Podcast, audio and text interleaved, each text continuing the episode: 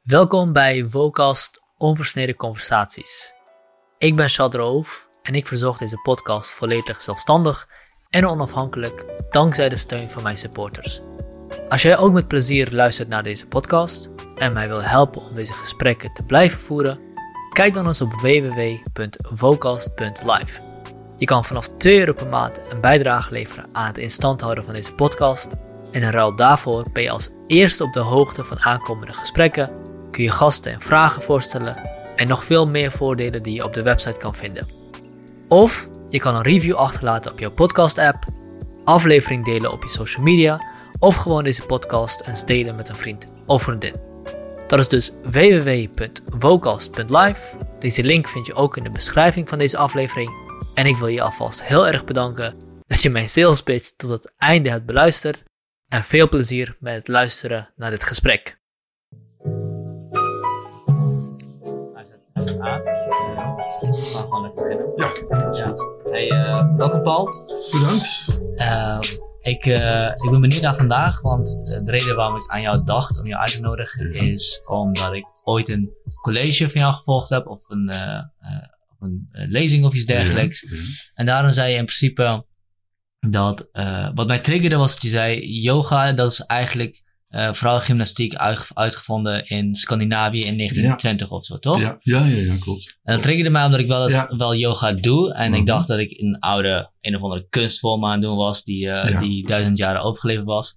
Dan dacht ik van, oh shit, Het blijkbaar ligt even anders. het ligt even anders. ja, ja. Eh, daarom dacht ik van, nou, dit is echt leuk om te horen hoe het nou precies zit. Want wij hebben echt een heel romantisch beeld van hindoeïsme en boeddhisme. Ja. boeddhisme. Ja. Maar het blijkt niet helemaal te kloppen, Ja. volgens jou. ja, dat het niet klopt, dat klopt. Ja, ja. ja ons beeld van de Aziatische religies, Hindoeïsme en Boeddhisme, is heel erg gevormd aan het eind van de 19e eeuw. Dan moet je eens bedenken, de koloniale mogelijkheden waren aanwezig in Azië. Bij, bij yoga denk je dan meteen natuurlijk het meeste aan eh, Engeland, Hm. dat in India zat. En ehm, nou ja, de koloniale processen liepen. Hè, eh, de producten werden eh, naar, het- naar Europa vervoerd, et cetera. De, de plantages waren er. En toen kwam er eigenlijk een nieuwe generatie kolonialen die belangstelling had voor de culturen daar. Hm. En daar is men toen heel erg veel onderzoek naar gaan doen. Maar tegelijkertijd, eh, elders in de wereld, zoals bijvoorbeeld in Amerika, daar eh, de burgeroorlog was voorbij.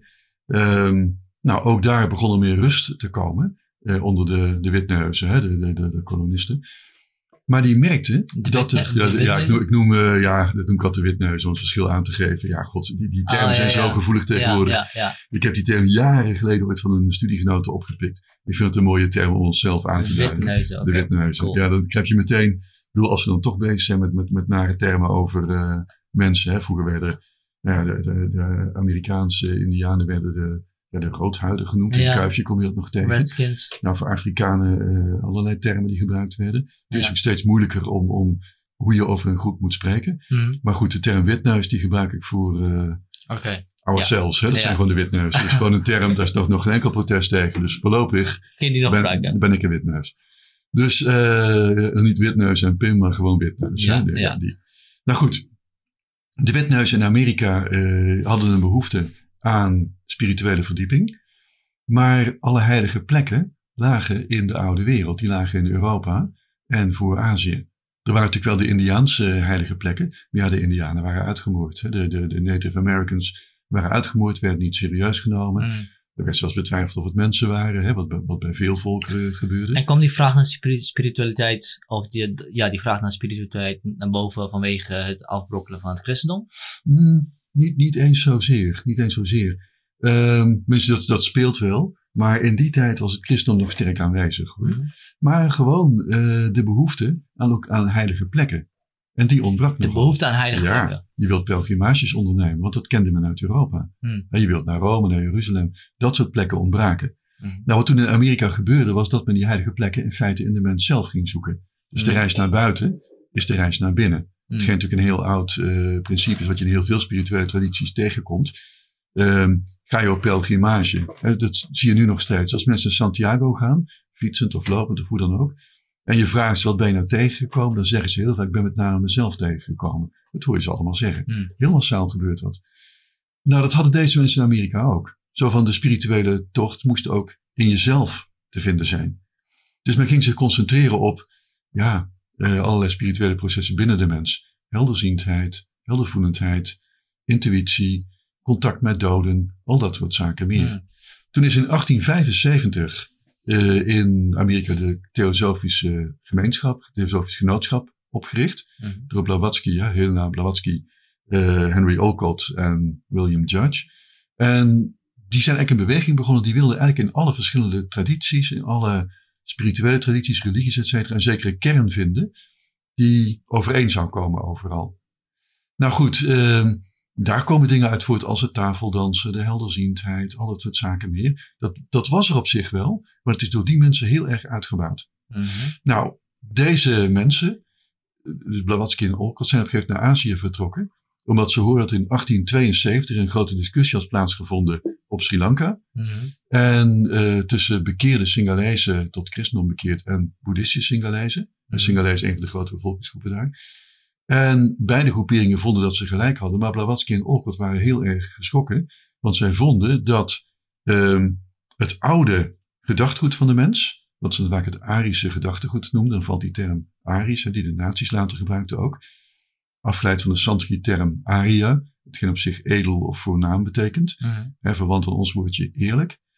Maar goed, zij waren dus bang dat het originele gedachtegoed van Azië aangetast zou worden door uh, verderfelijk christendom. Mm. Eigen missionerend christendom. Ze zijn naar Azië toe. En ze hebben daar met name contact gezocht met uh, hervormingsbewegingen uit die tijd. Dus met bewegingen in Azië zelf, die vaak al westers beïnvloed waren, maar daarmee terug wilden naar een zekere basis. Mm. Een basis van Hindoeïsme en Boeddhisme.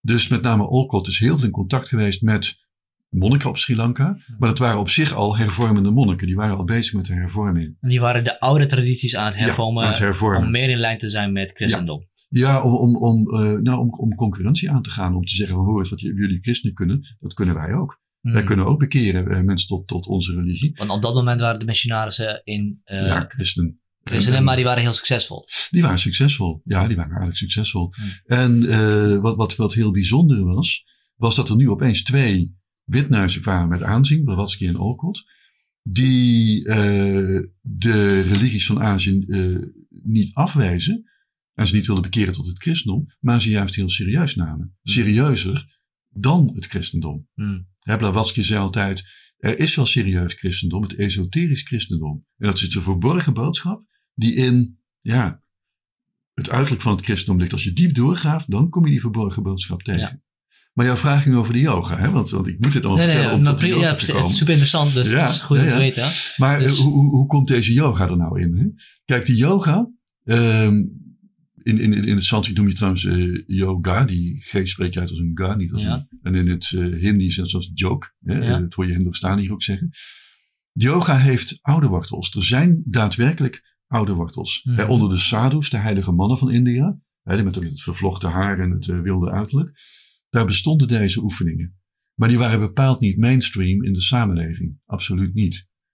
Maar wat nou heel erg speelde, was dat er dus enerzijds opeens een beweging kwam uit Europa, uit, uit Amerika, die zei van hé, hey, dat, die spiritualiteit van Azië moeten we serieus nemen. Dus dat was een impuls. Mm -hmm. En dat was die theosofische... Dat was die theosofische groep.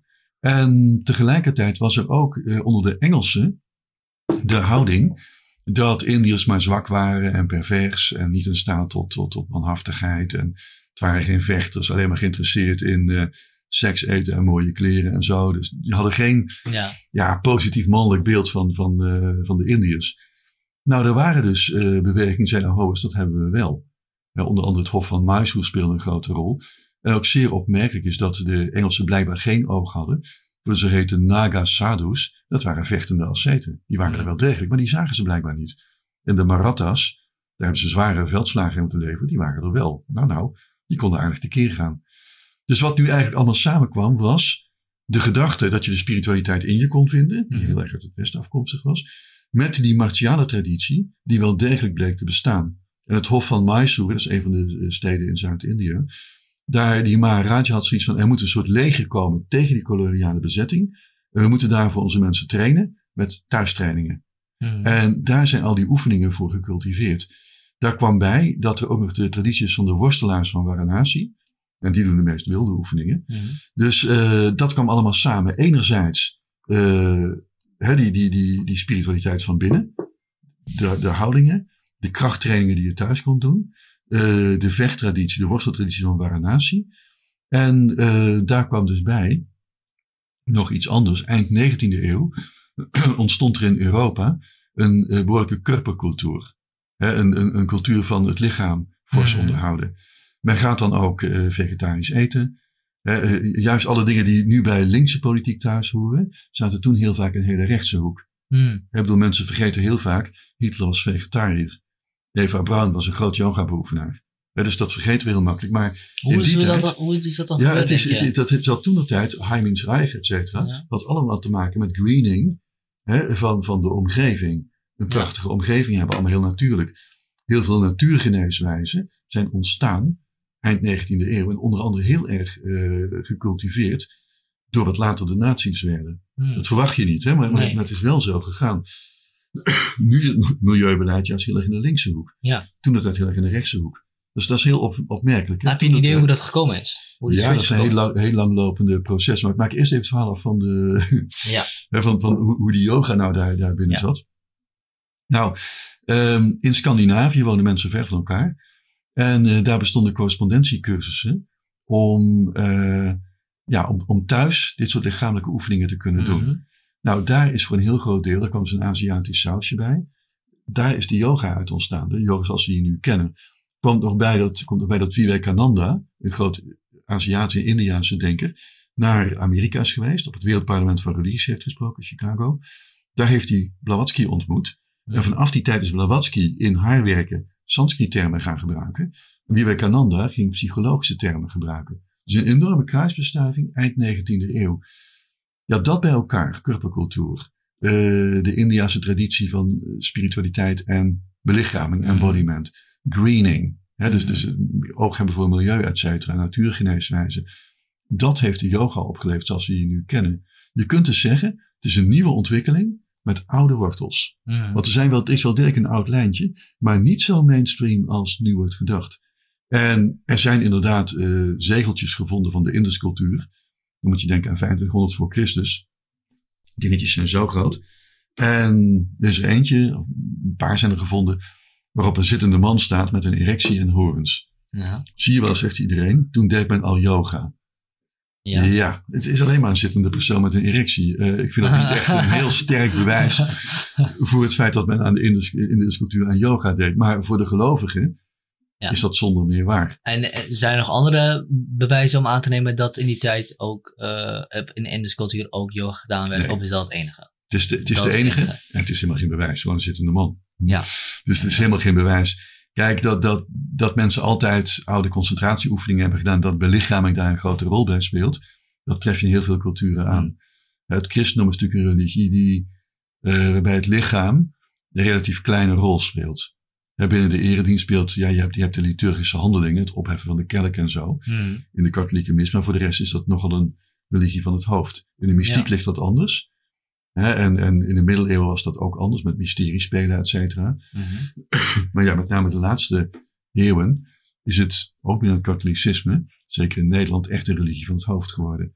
Zij dat, zij dat je die behoefte om terug te gaan naar de mystiek van het hart, om het zo te noemen. Ik ben nooit zo blij met die tegenstelling hoofd-hart, maar goed, Mhm. we doen het er even mee. Eh, dat je die wel, misschien de tegenstelling denken voelen?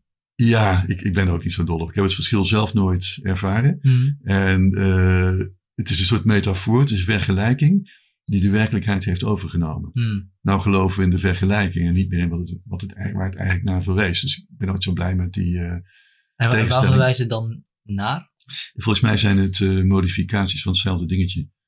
Ja, zo- het zoals, je een kleurenspectrum, een kleur kan blauw zijn en een kleur kan rood zijn. Mhm. Maar ze is daarmee niet anders dan het fenomeen kleur. En dat is denk ik met, met eh, voelen tegenover denken ook. Ehm, ik denk dat het variaties van elkaar zijn. Eh, ja, het zijn dan variaties inderdaad. Maar waar is het een variatie van? Van de menselijke geest. Van wat de menselijke geest allemaal kan. Hmm. Die kan geëmotioneerd zijn. Ik, ik denk dat denken, naar mijn idee is, is het in feite een modus, zoals humor dat ook is. Denken dat voelen, geloven, al, al dat soort zaken meer. Het is maar net welke scala je kiest aan termen daarvoor. Mhm. Ehm, ja, om, om dat allemaal eh, in kaart te brengen. Ik heb eens een keer een hele lange discussie gehad met een vriend van mij, liggend op een heuvel, eh, net over de grens in Duitsland.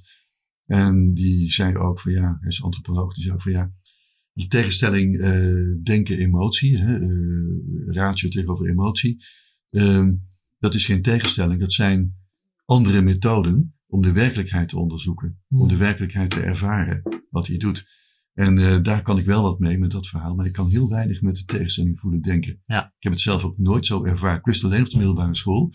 Als je zei, ja dat denk ik, maar het voelt anders, dan begon iedereen te applaudisseren. En je wilde hoge punten, dus je zei dat soort dingen. Maar Mhm. ik geloofde daar helemaal niet in. Dat was conformeren naar eh, de trend die toen eh, gangbaar Ja, was onder de docenten. Kom nou, ja. dat neem je niet serieus als leerling. Hè? Ja. Zij zei helemaal, van de altijd besnuffeld, dat doe je Nee, als leerling moet je je leraar nooit serieus nemen. Nee, nee, nee, dan moet je eh, pas na een tijdje heel schoorvoeten toegeven. Ja, ze hadden wel een beetje. Er, ergens hadden ze gelijk. Ik heb wel veel van ze geleerd. Nou, nou zeg ik het wel eens tegen ze. Want ik word wel eens gevraagd op mijn oude middelbare school. Ik ben daar inmiddels meer dan 40 jaar weg eh, als, als leerling. Maar Mhm. Ik word wel eens gevraagd door mijn oude docenten om een eh, presentatie te geven. Ja, de meesten zijn nu overleden, maar Mhm. die hadden zo'n probesclub ik dat deed. Ja, en nu zijn de rollen omgedraaid. En nou Ja. komen ze naar mij luisteren. Dus, Oh, ja, ja, ja. ja. Leuk. Geeft toch een zeker gevoel van macht. En macht corrompeert heel snel. Leuk.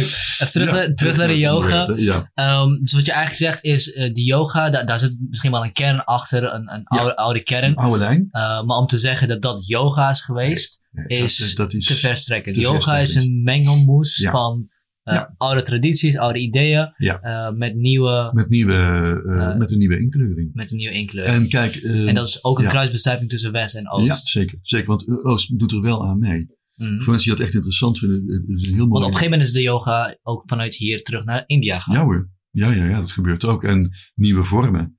Als je ziet, als je hier in Nijmegen heel kijkt hoeveel vormen van yoga er zijn. Die zijn lang niet allemaal van Indiaanse afkomst. Ja. Eh, er worden wel Sanskrit-termen gebruikt. Dat was inderdaad mijn volgende vraag. Ja. Waar komen die Sanskriet termen van? Ja, die zijn uit die kruisbestuiving eind 19e eeuw afkomstig. Ehm, Engeland en Duitsland ontdekten dat Sanskriet verwant was aan Latijn en Grieks en ook aan het Nederlands en zo. en met name Duits. Nou, dat waren natuurlijk enorme ontdekkingen in die tijd. En plotseling eh, ontstond er de gedachte, wacht eens even, die mensen spreken een taal verwant aan onze taal. Mhm. En dat kun je aan heel veel Sanskriet ook merken. Hè, dat het echt heel verwante talen zijn, de Mhm. Sanskriet en Nederlands. Nou, in zo'n groot gebied spreekt men dus verwante talen. Dat was voor de naties bijvoorbeeld aanleiding om de levensruim in het oosten te gaan zoeken. De Oekraïne moest het heartland zijn geweest van die Arische cultuur. Mhm. Ik gebruik nu de term Arisch zoals de naties die gebruikten. hè. Afkomstig van het woordje Aria, wat ik eerder noemde. En eh, vandaar dat de concentratie altijd was naar het oosten. Daar moeten we zijn. Daar komen we vandaan. En eh, dat liep dan door die Ja. Duitse boerenstaat tot aan eh, India toe. Dat was de voorstelling. Eh, En waarom? Omdat dat een soort herstel was van oude waarden. De- de- In feite de behoefte die in India heel vaak hoort, maakt de toekomst zoals die was. Hm. Hè, het, het verleden was beter dan nu. Trump refereert er in feite ook aan het Make America, America Great Again. Mhm. Het was vroeger blijkbaar beter dan nu. Ja, dat is een soort van eh archaïsche periode die altijd, Die altijd beter was altijd vroeger. beter was. Ja. Vroeger weet je wel, toen, eh, hè, voor de oorlog, weet je wel, Ja. dat soort werk. Hè, toen, eh, ja, mijn vader altijd zeggen, die hammen van vroeger, hè, die, dan, eh, die waren zo hard, kon je iemand de schedel mee inslaan. Dan zei mijn oudste broer altijd, ja, je moest toen een wapenvergunning hebben om inkopen te doen. Goed, dat soort krachttermen werden in die tijd gebruikt. hè. En ehm, het levert natuurlijk ook een bepaalde vorm van autoriteit en, eh, en dergelijke Ja. op als je iets duizenden jaren oud noemt. Ja, dat is een hele rare tendens in onze cultuur. Dingen moeten ofwel de allernieuwste ontdekking zijn, dan wel ze moeten beren oud zijn. En het liefst moet het een nieuwe ontdekking zijn die heel oud blijkt te zijn. Iets wat herontdekt wordt. Hmm. Als dat gebeurt, ja, dan wordt iedereen heel blij. Iets uit de middeleeuwen, ah, ah, dat doet het niet. Maar het Ja. moet ofwel beren oud zijn, zo, zoals de Hacking the primitive mind with Yes. neuropsychology. Ja, ja wow, wow, wow, wow. You know how to say your things. nee, maar dat, dat vindt men mooi, hè? Iets wat dan uh, een natuurgeneeswijze of zo. En dan, ja, de oude Egyptenaren wisten het al. Hmm. Wow. Hmm. Ja, kijk, dat, dat voegt toe. Hmm. En dat, dat doet zich voor. Dat, dat zegt iets over ons. Hoe wij kijken naar, uh, ja, naar onze wereld. En wat, Eh, wat zegt het dan? Eh, ja, nou, dat, dat is eh, aan de cultuurdeskundigen cultuur, deskundigen om dat Mm. te analyseren. Maar het is een tendens in onze cultuur. Iets moet ofwel berennieuw zijn, ofwel berenoud. En als het even kan, een connectie tussen die twee. Mm. Ja, bijvoorbeeld, als, als, er wordt nu heel vaak gezegd dat het boeddhisme wetenschappelijk was of is. Omdat ze wat die Dhamma-theorie hebben met, met kleine deeltjes waaruit de waarnemingen bestaan. En dat lijkt op de kwantummechanica. Hmm. Maar is het niet. De kwantummechanica, een, een kenmerk van moderne wetenschap, is dat de methode onvoorstelbaar belangrijk is. Je Hmm. moet kunnen vertellen hoe je tot een conclusie komt.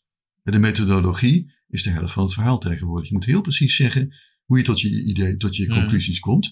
En ze moeten hervoltrekbaar zijn. Dat is heel wezenlijk. Nou, het boeddhisme spreekt wel van een Dhamma-theorie. De theorie van die kleine deeltjes die, die, die, die je waarneemt zodat je een zintuigimpressie hebt. Dat is een heel verhaal. En dat lijkt op kwantummechanica, maar is het niet. Ik moest pas een verhaal in Eindhoven houden. Ik vertelde, er zaten allemaal technici bij die meteen begonnen. Zie je wel, boeddhisme is kwantummechanica. Nee. Eh, de, ze begonnen meteen over de leegte van de atomen, et cetera. Maar de leegte tussen de deeltjes van de atomen zou je in het boeddhisme waarnemen op basis van een gezichtsdhamma. Dat is weer zo'n dragend deeltje. Mhm. Maar die gezichtsdamma is leeg. Maar daarmee wil je niet zeggen dat hij, dat hij er niet is. Dus het lijkt op elkaar, maar de methode hoe men tot de conclusie komt, is fundamenteel verschillend. Dat maakt heel veel uit. Ja, en daarom is het geen wetenschap. Daarom is het geen wetenschap. Ja. Ik denk inderdaad dat, da- dat dat een goed punt is, want we verwarren vaak wetenschap met eh, een universele me- methode om tot waarheid Ja, te komen. En Klopt. natuurlijk dat is, is- iets anders. Ja, natuurlijk kun je ermee tot waarheid komen. Tuurlijk. En natuurlijk zit er wellicht een waarheid in, in de Ja. Dhamma-theorie Ja. of eh, kosmologie van, eh, van, eh, van boeddhisme. Ja. Kan allemaal, alleen wat, waar wetenschap om draait, is die methode die, methode. losstaat Ja, van eh, de inhoud ja, ervan. precies. waarmee je bepaalde dingen kunt Ja. testen. Het, het is die bril waarmee je naar iets gaat kijken, eh, waardoor je bepaalde dingen gaat zien. Maar die bril moet je heel goed beschrijven. Je moet heel precies weten wat die bril is. Je moet het kunnen uitleggen aan jouw opponent Mhm. wat die precies is. Ja. En daardoor kom je tot je conclusie. En eh, daarin komt ook wat je net terug zei terug, terug want we proberen dat oude Ja. boeddhistische denken te verifiëren door het wetenschap te noemen. Ja, door het wetenschap te Eh, noemen. en dat heeft er maar één te maken met een overwaardering van de wetenschap, want dat is op, eigenlijk onze meest nieuwe manier om tot waarheid te komen. Ja. Ehm, ja. Ja. ja. dat is zo. En het is natuurlijk, eh, wetenschappelijke waarheid is, is een vorm van waarheid. Mhm. Tegenwoordig hoor- je mensen iets te makkelijk zeggen, wetenschap is ook maar een mening. Mhm. Dat is, niet, dat is te eenvoudig. Ja. Eh, wetenschap is wel een heel erg goed onderbouwde mening. Ja. En eh, goede wetenschap geeft zichzelf ook voor wat hij waard is. Mhm. Zegt ook van ja, in lopende discussie is dit waar ik of deze groep onderzoekers op uitkomt. En dat doen we zo en zo en zo. En ehm, En het geeft ook een basis om eh, tussen verschillende wetenschappers en Ja. tussen verschillende wereldbeelden te kunnen te collaboreren. kunnen naar een- collaboreren, samen te kunnen werken, verder te kunnen komen. Ik zeg dit, wat vinden jullie? Mhm. Eh, zo, zo werkt dat dan. Vandaar ook die peer-reviewed artikelen. Dan moeten dus eh, kenners van het vakgebied Mhm. moeten een artikel beoordelen, niet wetend wie het geschreven heeft. Ja. Nou, Doris weet je binnen twee zinnen al wie het geschreven heeft. Maar goed, dat, dat hoort geen rol te spelen in jouw oordeel. Eh, je moet natuurlijk kijken van, goh, eh, hoe zit het artikel in elkaar? Ja. Maar je weet meestal binnen, ja, nou, weet je dat. Natuurlijk kun je die dingen niet helemaal 100% Nee, uit, uitschrijven. Ik bedoel, cijfers kunnen natuurlijk ook Ja. gemanipuleerd worden en dergelijke. Klopt, Maar ja. Ja. we komen wel dichterbij op deze We komen dichterbij. Ja. tegen die manipulatie, daar kun je weinig tegen doen. Ja. Dat kun je alleen maar op als je steeds denkt, hé, hey, dit klinkt wel heel... eh, Maar ja, je kunt niet heel dat onderzoek over gaan doen als jij een artikel moet beoordelen. Dat gaat niet. Dus dan is het echt aan de betrouwbaarheid van de individuele wetenschapper hoe dit in elkaar zit. En daar kunnen dingen natuurlijk misgaan. Dat kan. En dat, En daar dat ook niet. voorbeelden van Daar natuurlijk. zijn voorbeelden van. Oh Ja. ja, die kennen we uit Nederland ook eh, genoeg. Hè, experimenten met blauwe M&M's en zo. eh. trouwens, hier staan geen blauwe M&M's. eh. ja, Weer terug naar de yoga. terug naar de yoga. Ja. Ehm, dus dat, dat oude, dat, dat, le- dat le- levert er een bepaalde autoriteit aan. Ja. Dat geeft een bepaalde au- autoriteit. En dat is ook vaak waarom het gebruikt Ja. wordt. En eh, in, in het oosten zelf ehm, bestaat dezelfde ontstaansverhaal als wij hier denken te hebben. Nee, eigenlijk niet. Ehm, kijk, Of zijn zij veel Ja. eh, realistischer of wat? nou nee. nee, in India moet alles altijd 5000 jaar oud zijn. Ja. En dat hoor je bij alles. eh, en als het even kan, 5000 kalpas. En een kalpas bestaat uit miljoenen, zo niet miljarden jaren. Alles moet berenoud zijn. Mm. Dat, dat is een voorwaarde voor kwaliteit. Ehm, dat is het in praktijk doorgaans niet. Mm. Hè, ik heb zelf eh, heel lang klassieke Indiaanse dans gedaan, tempeldans. En de lerares van mijn lerares zei altijd tegen haar, in the oldest times. Dan Mm. denk je ook aan eh, dat de Neandertalers dat al deden en zo. Mm. Maar toen vroeg mijn lerares een keer aan haar van wanneer was dat dan in die oldest times? Waarop de lerares zei, nou toen ik jong was. Kijk, en ze was toen eind 30. Dus ja, kijk, we hebben het over enkele decennia geleden dan. Maar in Azië, met name in India, betekent eh, oud, hè, 5000 jaar oud, naar mijn idee met name tijdloos, Mm. los van tijd. Die termen vallen als wordt bekeken of dingen waarde hebben, los van periodisering, los van eeuwen. En dat is naar mijn idee veel interessanter. Als ik in yoga-kringen vertel dat de yoga niet zo oud is als men denkt, vindt men in eerste instantie vaak niet leuk. Hoe weet u dat dan? Nou, lees het boek van Mark Singleton, hè, dan staat het allemaal in. Mark Singleton is een eh, man die uitgebreid onderzoek heeft gedaan naar dit type yoga. En komt tot de conclusie dat het helemaal niet zo oud is. Maar ik zeg, ik zeg deze mensen dan heel vaak, werkt het wat jullie doen? Hmm. Dan zeggen ze ja. Zeg ik, nou, wat maakt het dan uit? Mm. of het beren oud is of niet. Het heeft een traditie. eh, het heeft een zelfbeeld dat het heel oud is. Nou, dat blijkt niet helemaal te kloppen. Maar wat is er ernstig aan? Als jij die yoga doet en je voelt je daar goed bij, wat maakt het nou uit dat het zo oud is? Ik vergelijk het dan vaak met ehm, als archeologen brood vinden van 8000 jaar oud, is dat wetenschappelijk heel erg zinvol. Mm. Maar als je honger hebt, heb je er op dat moment helemaal niks aan. Mm. Dan moet je toch echt naar het bakker wachten om gewoon een broodje te halen. Hè, dus dus wat, wat, wat, wat zegt het dat iets zo beren oud is? Het zegt iets over wat je zelf verwacht van de dingen. En Wat je belangrijk Wat vindt. je belangrijk vindt, ja. Hmm. En dat is op zich, dat, dat, dat zegt iets over, over, over ons tijdsgewicht, over onze cultuur. Ontwikkelingen gaan zo snel, dat ik wel vaak het idee heb dat mensen om die reden een behoefte hebben aan oude dingen. Hmm. De oude dingen die ook, oud, oud betekent ook rustig. Hè? Ehm, als ik in, eh, ik begeleid veel studiereizen naar Azië. Ik ga Mhm. volgende week naar India toe.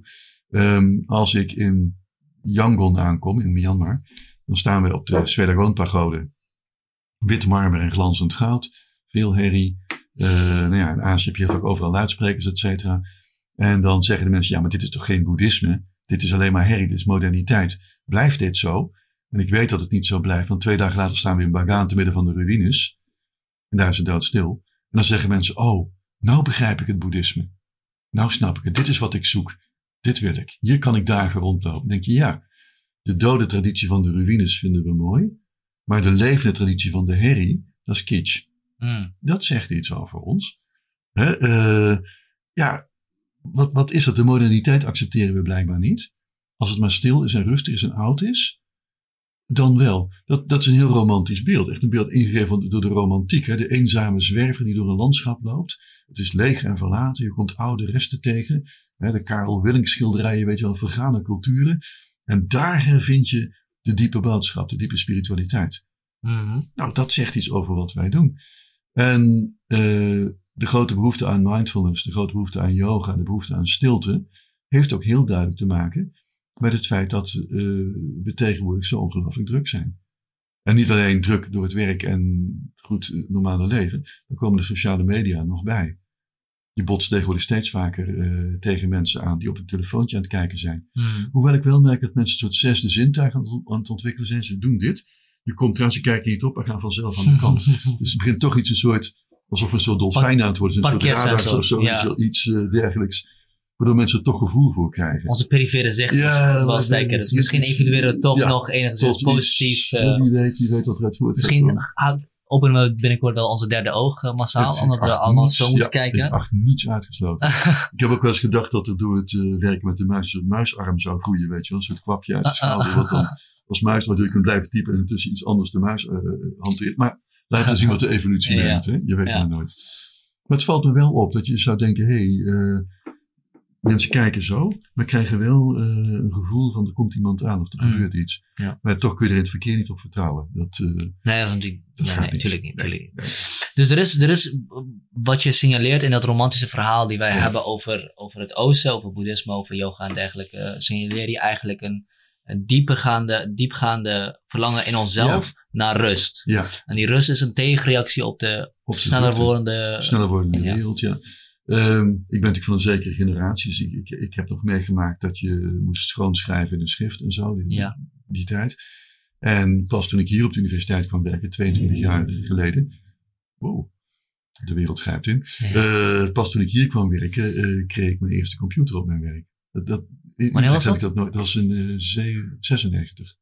Was Oké, toen. ja. Er was ooit Ja, een wereld zonder computers en zonder eh, e-mail en zo.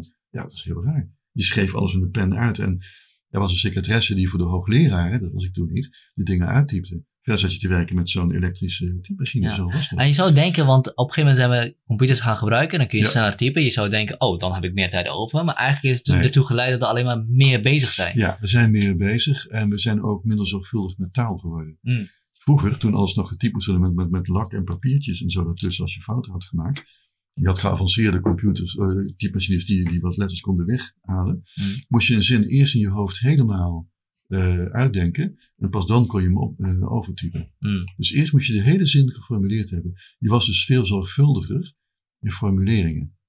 En nu, ja, ik doe het zelf ook. Je typt hem uit en je kijkt, klopt die eigenlijk? En dan pas ga je kijken naar van, nou, Nou, je was al zo, maar dat betekent ook dat je dus, dat je zorgvuldiger was, betekent dus ook dat je dus ook statischer was. statischer. Dat denk ik wel. En eh, Ja. doordat je nu minder zorgvuldig bent, ben je ook meer fluide. Ja, klopt. En je bent dat die periode lang vergeten. Ja, ja, ja. En er was een tijd dat ik nog zei, ja, maar ik schrijf het eerst met een pen uit en dan pas ga ik het uitwerken. Nou, dat is lang geleden hoor. ja. Inmiddels doe je alles eh, zo. Dus daar dat zelfs je handschrift eraan gaat. Oh ja, als je mijn handschrift leest, Dus dan niet is het meer, echt... eh, ja, dat is, dat is- als ik tentamens van eh, studenten moet nakijken. Ik heb vroeger op, tijdens mijn studietijd paleografie gedaan. Daardoor kan ik het lezen. Maar af en toe denk je, wat staat hier? Wat is dit? Ja, Ik denk dat heel veel docenten dat Ja. bij mij ook hadden. ja, dat je echt denkt van, yo, Ja. wow, wow. Dat je denkt, jij kan de kalligrafische waarde waarderen. Maar ik moet het ook beoordelen op basis van, ik moet er een punt voor geven. Ah. Dat, dat heb je ook natuurlijk. Hè? Ja, Het zijn allemaal dokters in opleiding. ja, ja, ja. ja, Ja. ja.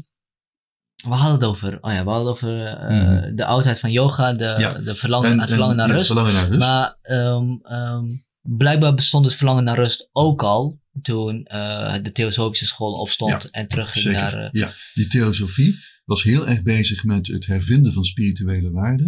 En dat deden ze met name in de resten van oude culturen. mhm, Dus al die theosofen, het waren er best veel hoor. We hadden een beetje rijke mensen. mhm, Het zijn, het zijn vaak mensen die van tweede, derde generatie, eh, de generatie voor hebben kapitaal gemaakt. mhm, Zij zijn rijk, hoeven niet echt te werken.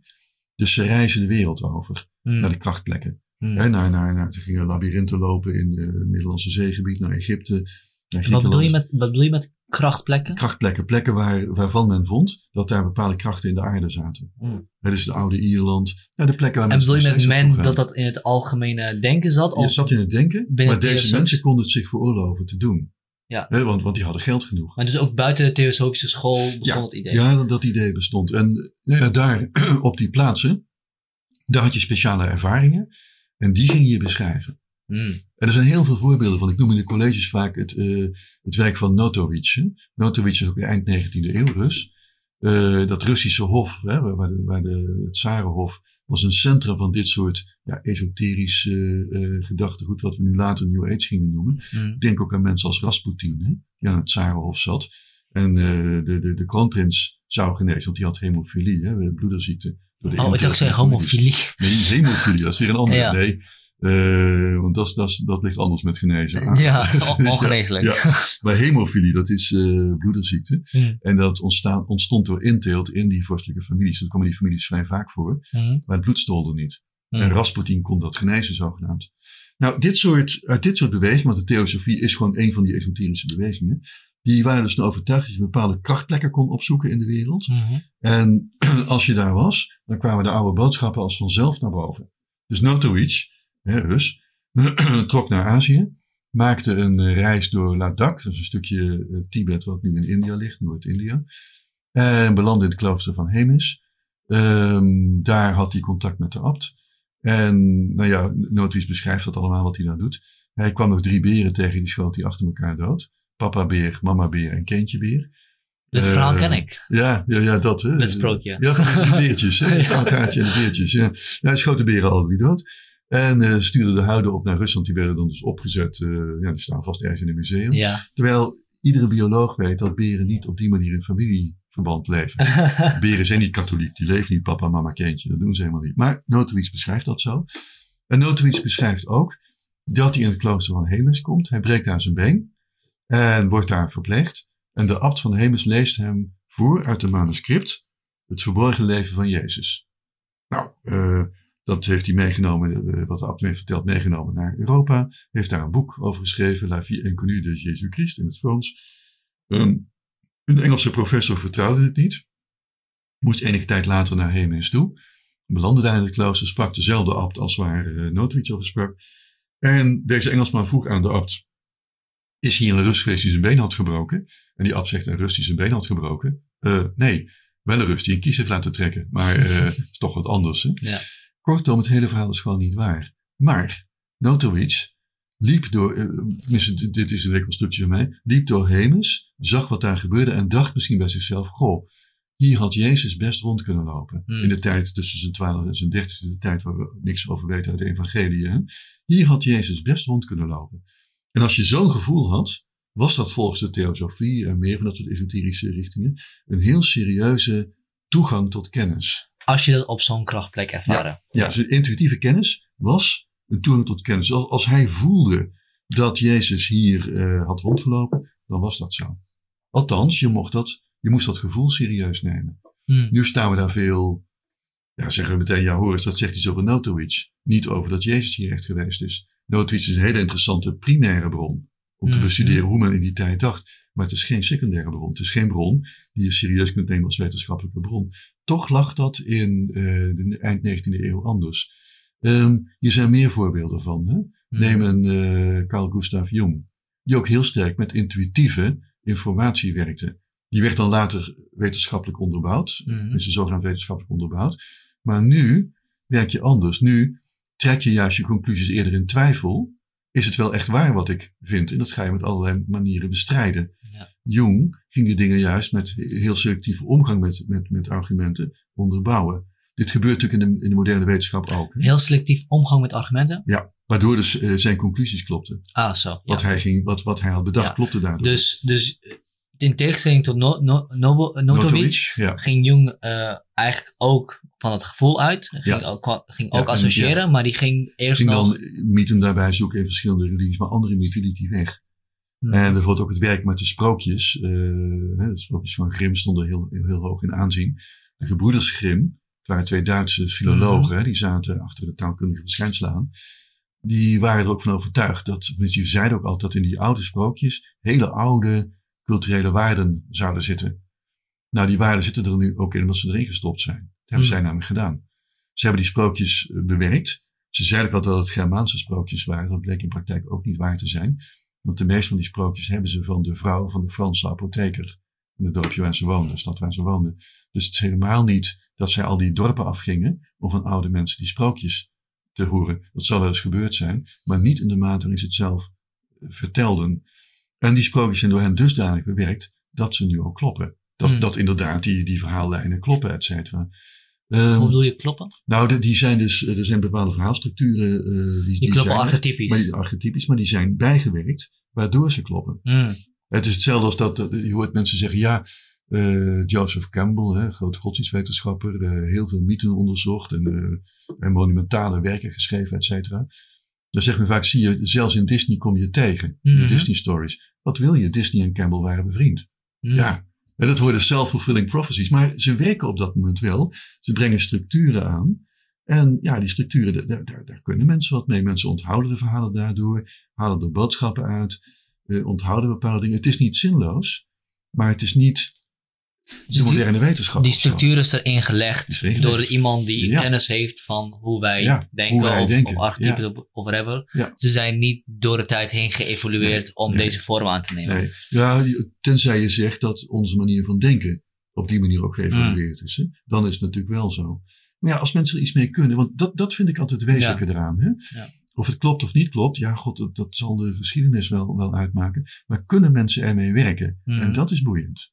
Hmm. Kunnen ze er iets mee? Want als het alleen maar droge wetenschap is, die in bibliotheken wordt begraven of tegenwoordig in het internet, en door niemand wordt gelezen, ja, dan kun je het net zo goed niet schrijven. Mhm.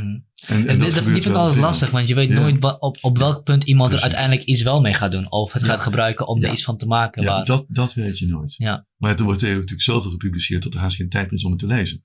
Ja. En ook, ook niet genoeg mensen om het te lezen. Ja. Dat heb je. Maar het is inderdaad waar je weet nooit wat het belang is van iets wat in het verleden Mm. is gebeurd. Ik geef als voorbeeld vaak eh, Osho, hè, die beweging van de Bhagawan, die, die in de jaren, ja, eind jaren 70, jaren 80 had.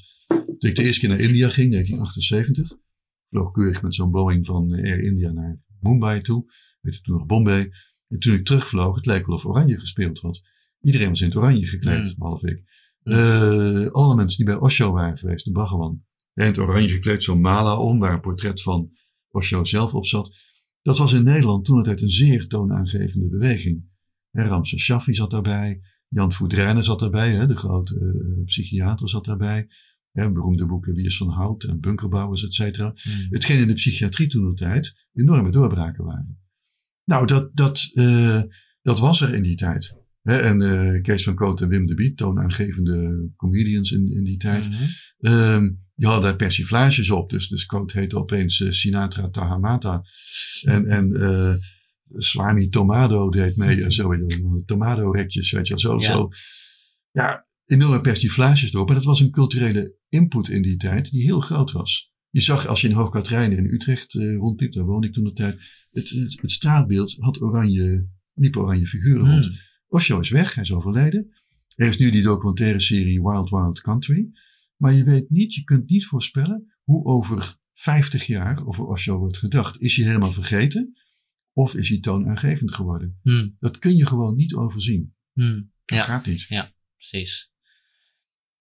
Nog één laatste vraag over de yoga. Ja. Eh, ik sprak laatst iemand die, eh, die naar India was afgereisd om yoga te gaan doen. Ja. En eh, dat soort dingen. En ik zei, oh leuk, wat voor yoga doe je? Ik doe ook yoga. Oh, wat voor yoga doe jij? Ik zei, power yoga. Moest een beetje lachen. Oh ja. Dat is geen echte yoga. Oh ja. Ah, ja. Nou, toen heb ik een heel gesprek met haar gehad. eh, en daarin, want ik was benieuwd van, oké, wat, is Ja. wat, wat, wat zit hierachter? En wat zij in principe zei was, eh, yoga zijn niet per, per se de bewegingen of whatever. Het is eh, het, het, de spirituele ascese wat je maakt door de dingen te doen wat je aan het doen bent. Dus als Ja. mensen zeggen, nee, yoga is niet Dit, 100 maar jaar oud, yoga is wel 5000 jaar oud, Ja. bedoelen ze die spirituele ascese.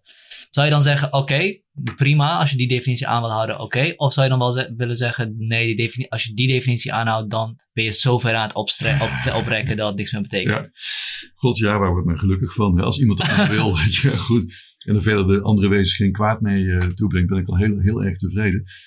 Het is niet te zeggen. Het is gewoon zeggen, maar, maar, maar heel kenmerkend, en dat vind ik in dit verhaal wel interessant, dat iemand gaat zeggen dat wat jij doet geen echte yoga is. Mm. Wat, wat, wat is dat voor idee? Ja. Dat maakt jij toch wel uit of het echt is voor jou of niet. Echt is alleen maar voor jou echt. Ja. Dat is belangrijk. Nou goed, op, op een gegeven moment zei ze inderdaad ook wel van, ja, het gaat erom of, of je er profijt aan hebt en dergelijke, whatever. Dat, dat is veel essentiëler. Maar de Yoga Sutras, hè, de Yoga Sutras van Patanjali, is dan de tekst waar ze het altijd over hebben. Mhm. Nou, eh, in die tekst valt het woordje asana Mm. één keer. Mm. En eh, betekent daar in feite alleen maar dat je een aangename zithouding moet aannemen. De rest gaat over mentale processen. En er is een heel mooi boek geschreven. ehm, een van de, van de mensen die heel erg thuis is in de oude-Indiaanse alchemie. Want yoga en alchemie is een doorgaande lijn. In het oude Indië men hoopte onsterfelijk te worden. Niet eens zozeer verlicht, maar gewoon onsterfelijk. Dat soort Mhm. kwesties. Het lichaam dusdanig perfectioneren dat, je er, eh, dat het eeuwen mee zou gaan. De Gordon, Gordon White, eh, ja, volgens mij die dat boek heeft geschreven. Eh, ja, nou, die heeft een boek geschreven over eh, een biografie van eh, de Yoga Sutras. Mm. En hij, een van zijn theorieën is dat de Yoga Sutras, dat zijn hele korte teksten. Sutra-stijl wil zeggen dat je ze echt, ja, je kunt ze onthouden aan de hand van hele korte woordjes. Er hoort heel commentaar bij, maar je onthoudt het aan de hand van die leidraad, die korte woordjes. Ja. Volgens hem is het een soort eh, los kaartensysteem geweest, wat ooit uit de kast is gevallen en door elkaar ligt nu. En niemand weet hoe het moet. Ja, eh, want dus, dus eh, ooit, eh, ja, het zijn van die losse palmbladen doorgaans in India. Nou, Ja. ooit is er een wervelwind geweest. Ja, daar gaat de hele Yoga Sutra. Oh, nou, snel weer in het bakje terugstoppen. Uh, hoop dat de leraar het niet gemerkt heeft, weet je wel. Nou ja, goed, die leest dat weer. Hm, was dit de volgorde? Dus dat er toch iets met de volgorde van de ehm versen aan de hand is. Ja. En dat we nou met die tekst werken. En dus we werken altijd met het commentaar. Het commentaar van Vyasa doorgaans. Wat erop geschreven is. En eh, ja, dat is hij nu. Maar de Yoga Sutras en sowieso al die yoga teksten. hebben een hele gemengde afkomst. Maar het is, het, is, het is weer heel interessant die discussie die je hebt gehad. Het is niet de kern van yoga. Zo'n term valt. Mhm. Meteen wil het zoeken naar een kern. Mhm. En dat zegt iets over ons. We willen altijd cut the crap, alles eraf. Wij willen naar de kern toe. En eh, daar zit ook een soort witneusarrogantie achter. Mhm. Dat westerlingen kunnen organiseren. En in staat zijn de kern uit iets te halen. Wat Azië eigenlijk niet meer helemaal kan. En dat is een heel kwalijke, als ik ook eens iets kwalijk mag vinden. Ik vind het een Ja, kwalijke ja. ontwikkeling. Ik kom dat bij het boeddhisme ook heel vaak tegen. Dan hoor ik hier westerlingen zeggen. Ja, maar zen is de essentie van het boeddhisme. En dan komen ze in Azië en dan zien ze al die dingen die daar gebeuren. Dit is toch niet het boeddhisme? Boeddhisme is wat we zelf hier in Nederland doen. Mhm. Ho, ho, ho. Citeren we nu even de kerstman, hè? Ho, ho, ho. Dat, dat, dat gaat te ver. Dat mogen die mensen zelf weten. Het is hun ontwikkeling. Ik bedoel, je kunt op een gegeven moment ook krijgen dat Amerikaanse... Maar je zou je niet de stelling kunnen poneren door te zeggen, eh, in het oosten zijn ze de kern van het boeddhisme kwijtgeraakt? Nee, zeker niet. Dat, dat, dat vind ik te ver gaan. Eh, zij hebben een Nee, ik eeuwenlange traditie. Ja. Ik bedoel, het, zou hetzelfde zijn als dat, dat een Pinksterkerk hier komt zeggen tegen eh, christenen hier, die toch al een aardige geschiedenis hebben, jullie zijn de kern kwijt. Dan, dan zeggen die eh, fervente katholieken hier over, oh ja, speak for yourself. Hè, eh, Mhm. dat, dat is, een, dat is een, een aanmatigend oordeel. Dat zijn die mensen zelf wat zij essentieel vinden. Als ik zie hoe, eh hoe Thais met hun boeddhisme omgaan, hoe Japanners dat doen, dat, dat, zijn eigen, dat zijn eigen ontwikkelingen. Zoals het, het boeddhisme hier, dat in feite ook is. En kenmerkend voor het boeddhisme hier is altijd te opmerken, het is geen religie, die valt Mhm. altijd. En eh, wij zijn bezig met de kern. En de kern is dan zogenaamd de meditatie. Terwijl in Azië meditatie helemaal niet de kern is. Daar zijn de rituelen, daar is veel meer beoefening dan alleen maar dat mediteren. Maar hier weet je, als iemand zegt ik ben met boeddhisme bezig, die mediteert. Mhm. Als ik dan zeg dat ik niet mediteer, word ik meteen beschouwd als een buitenstaander. Je weet er niks van, je hebt het niet ervaren. Dan krijg je meteen die hele riedel commentaren. Want jij beschouwt jezelf ook als een boeddhist? Nee, Nee, ook op zijn hoogst part-time. Nee, Oh, ik geloof steeds minder hoor. Naarmate ik Ja. ouder word, geloof ik steeds minder. Nee, Ja. humanistisch agnost. Agnostisch humanist. Oké. Eh, de mens speelt in mijn wereldbeeld een grote rol. Mhm. Ja, wel de mensen in zijn of haar omgeving. Dus de beesten doen op zich, de dieren doen ook mee, de planten doen mee, de wereld doet mee. En hoe het in werkelijkheid zit, ik krijg het idee dat het voor mij in ieder geval niet toegankelijk is. Mhm. Ik bedoel, er zijn wel eens van die momentjes dat je denkt van ja, dit is een, dit is een, eh, ja, een lumineus ogenblik, er gebeurt iets. Hè, eh, maar nee, ik, al- als ik, eh, ik ben nou zo'n jaar of op mijn zeventiende serieus met hindoeïsme en boeddhisme begonnen. Ik ben al bijna 60, dus best een tijdje. Aardig Ja, Duitsland. aardige tijd. Ik ben katholiek groot geworden, maar ik loop uiteindelijk tegen dezelfde problemen aan binnen hindoeïsme en boeddhisme als in het katholicisme. Ik moet dingen gaan geloven. Mhm. En ik ben niet sterk in geloven. Dat is gewoon, het is, het is geen verdienst, maar die knop is gewoon kapot. Ik, ik kan dat niet. Mhm. Eh, ik geloof steeds minder. Ik heb er wel een keer een boek over geschreven. eh omdat ik de vraag natuurlijk heel vaak krijg hè, eh, over boeddhisme en hindoeïsme. En ik krijg ook heel vaak te horen als ik in boeddhistische Wacht even, want ja. je, je gelooft wel heel veel dingen. Je gelooft namelijk dat als ik jou een e-mail stuur en vraag of je hier wil heen komen voor, om een podcast op te nemen, dat ik de waarheid spreek. En dat je, als ik jou vraag om hier op de Groene Straat iets te komen, dat, dat Ja. klopt. Of als ik jou... Ja, ja. Dus- ik heb een eh, blind... Wat, wat, wat, wat is het verschil tussen dat soort Ja, die twee ik heb een blind vertrouwen in het telefoonboek. Je hebt een blind Dat is, vertrouwen. dat, is de openbaring. Als de telefoonnummers, ja nou heb je geen telefoonboek meer, je Ja. nou via internet. Als dat niet klopt, ja dan houdt de hele wereld op. Dus er zijn bepaalde dingen waar je blind op vertrouwt. Mhm. Of je ze gelooft is een tweede trouwens hoor. Maar, maar kijk, bij geloven, dan gaat de bewijsbaarheid gaat ontbreken. Mhm. En eh, dan kan iemand zeggen, ja zo voel ik het. Kijk, dat is een bewijs voor die persoon. Mhm. Zoiets ben, ken ik niet. Die ervaring ken ik niet. Ehm, maar er zijn natuurlijk bepaalde dingen waar je op vertrouwt. Mhm. Het telefoonboek moet je op kunnen vertrouwen. De winkelsluitingstijden, weet je, verkeersregels. Dat, daar- dat daar dingen in misgaan, dat er drukfouten in het telefoonboek kunnen staan. Dat is een tweede. Mhm. Maar dat hoort niet. Het telefoonboek is een soort openbaring. Want wat daarin staat klopt. Mhm. Als ik zo'n nummer bel, dan krijg ik mevrouw Verberne aan de telefoon. Ja. Dan gaat de telefoon die zegt met mevrouw Verberne. Kijk, dat, dat hoort zo. ja. Als, als dat niet klopt, kijk, maar is, dat geloof, is dat Ja. vertrouwen? Ik begrijp dat er bepaalde dingen zijn waarin, waar we van uit moeten gaan Ja. dat het, dat klopt. Anders, valt de wereld uit elkaar Ja. in principe. Of onze wereld. Dus we moeten vertrouwen op de stoplichten. We moeten vertrouwen dat, dat de zon opkomt. Ja. dat de zon opkomt. We moeten vertrouwen dat als ik iemand aanspreek dat hij mij niet eh, wil beroven over hebben. Nee. Dat als ik ga slapen, dat er niet mensen gaan inbreken. Ja, dat, dat Ehm, soort dingen. Het gebeurt allemaal wel. Ja. Maar dat, dat, daar, daar hebben we dan justitie voor. eh, om Ja. dat aan te pakken, want dat hoort niet. Ja, maar een, boe- een, een boeddhist of een gelovige Ja. over hebben zou zeggen, het geloof in God is, is, het, is dezelfde soort. Ja, iemand, van die, dat iemand, soort. iemand die gelooft heeft dat, ja. Ja. Ja. Dus mijn vraag is, wat maakt die twee dingen, die twee soorten geloven voor jou anders dan, Dan- voor een gelovige? ja. Wat, wat is het fundamentele Ehm, verschil? Ik, ik heb niet eh, dat eh, vertrouwen op God, bijvoorbeeld. Zoals een gelovige, gelovige christen of moslim of hindoe dat kan hebben. Mhm. Dat heb ik gewoon niet. Mhm, Of God bestaat is aan God zelf, ik weet het niet. mhm. Maar het zit wel een beetje in de sfeer van als ik zeg of, of, of God bestaat is aan God zelf. Het zit een beetje in de sfeer van gelooft u in reïncarnatie. Nou nee, is in mijn vorig leven zo slecht bevallen. Ik het zit een beetje in die sfeer. Hè? Ja. Dus, dus ja, we snappen natuurlijk, in ieder geval ik, heel erg weinig van deze wereld. ja, En dat er een God zou hebben bestaan die dacht op een bepaalde dag later ik eens een modeltrein bouwen en dat is de wereld geworden. ja, Het zou natuurlijk zomaar kunnen. Ja. Ik bedoel, het is ook geen enkel punt om een religie te bedenken. Dat is helemaal niet zo'n punt. Maar om erin te geloven, dat is een tweede. Hmm. Dat het ook echt de waarheid wordt. Want voor een gelovige is zo'n religie waarheid geworden. Als iemand echt Hmm. gelooft.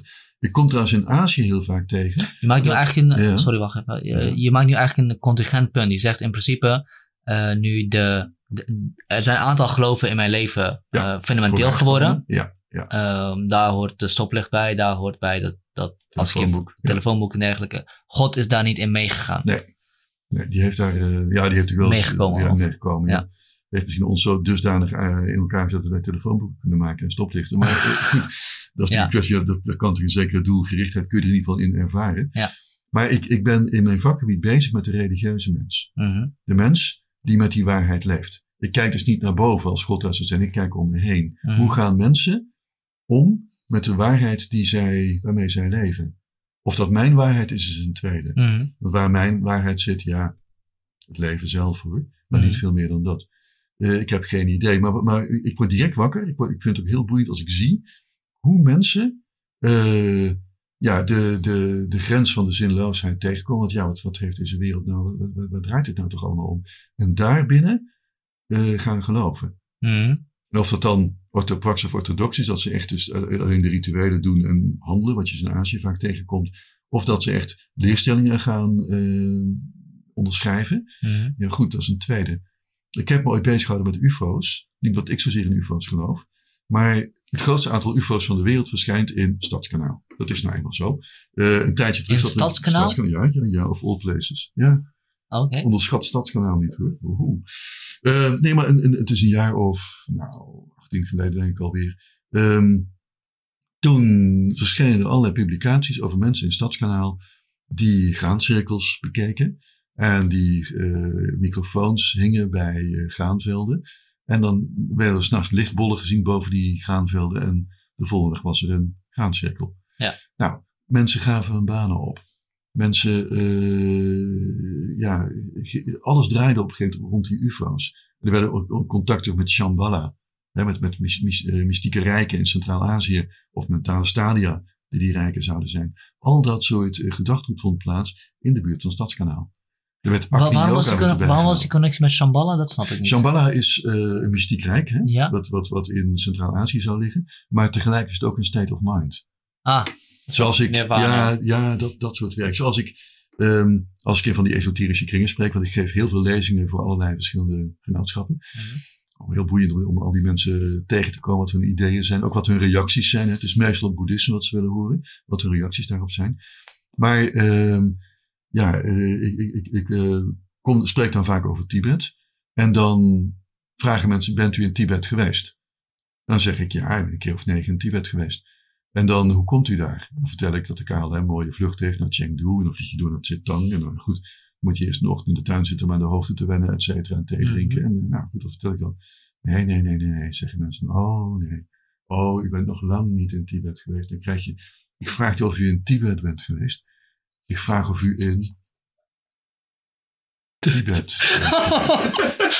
dat overkomt mij echt een paar keer per jaar dit hoor. En dat, dat, dat, daarbij is Tibet niet meer een regio. Dat is een, een state of mind. Een, een, een manier van kijken naar de wereld. Het is in principe hetzelfde uh, wat je eerder zei. Dat, dat, de, dat, dat uh, geloven met je hoofd. Dat, dat, dat Ja. de spiritualiteit in je zit. Uh, Ja, Dat en is een mentale staat. een mentale staat. Ja. Projecteren op, op uh, dat oude... Of of, Tibet. Ja. bent En, u ooit in Tibet geweest? Ja, dan krijg je, krijg je die vraag. En dat is helemaal niet de vraag zo van uh, de KLM, uh, fast your seatbelts and breathe normally. Dat is helemaal niet dat.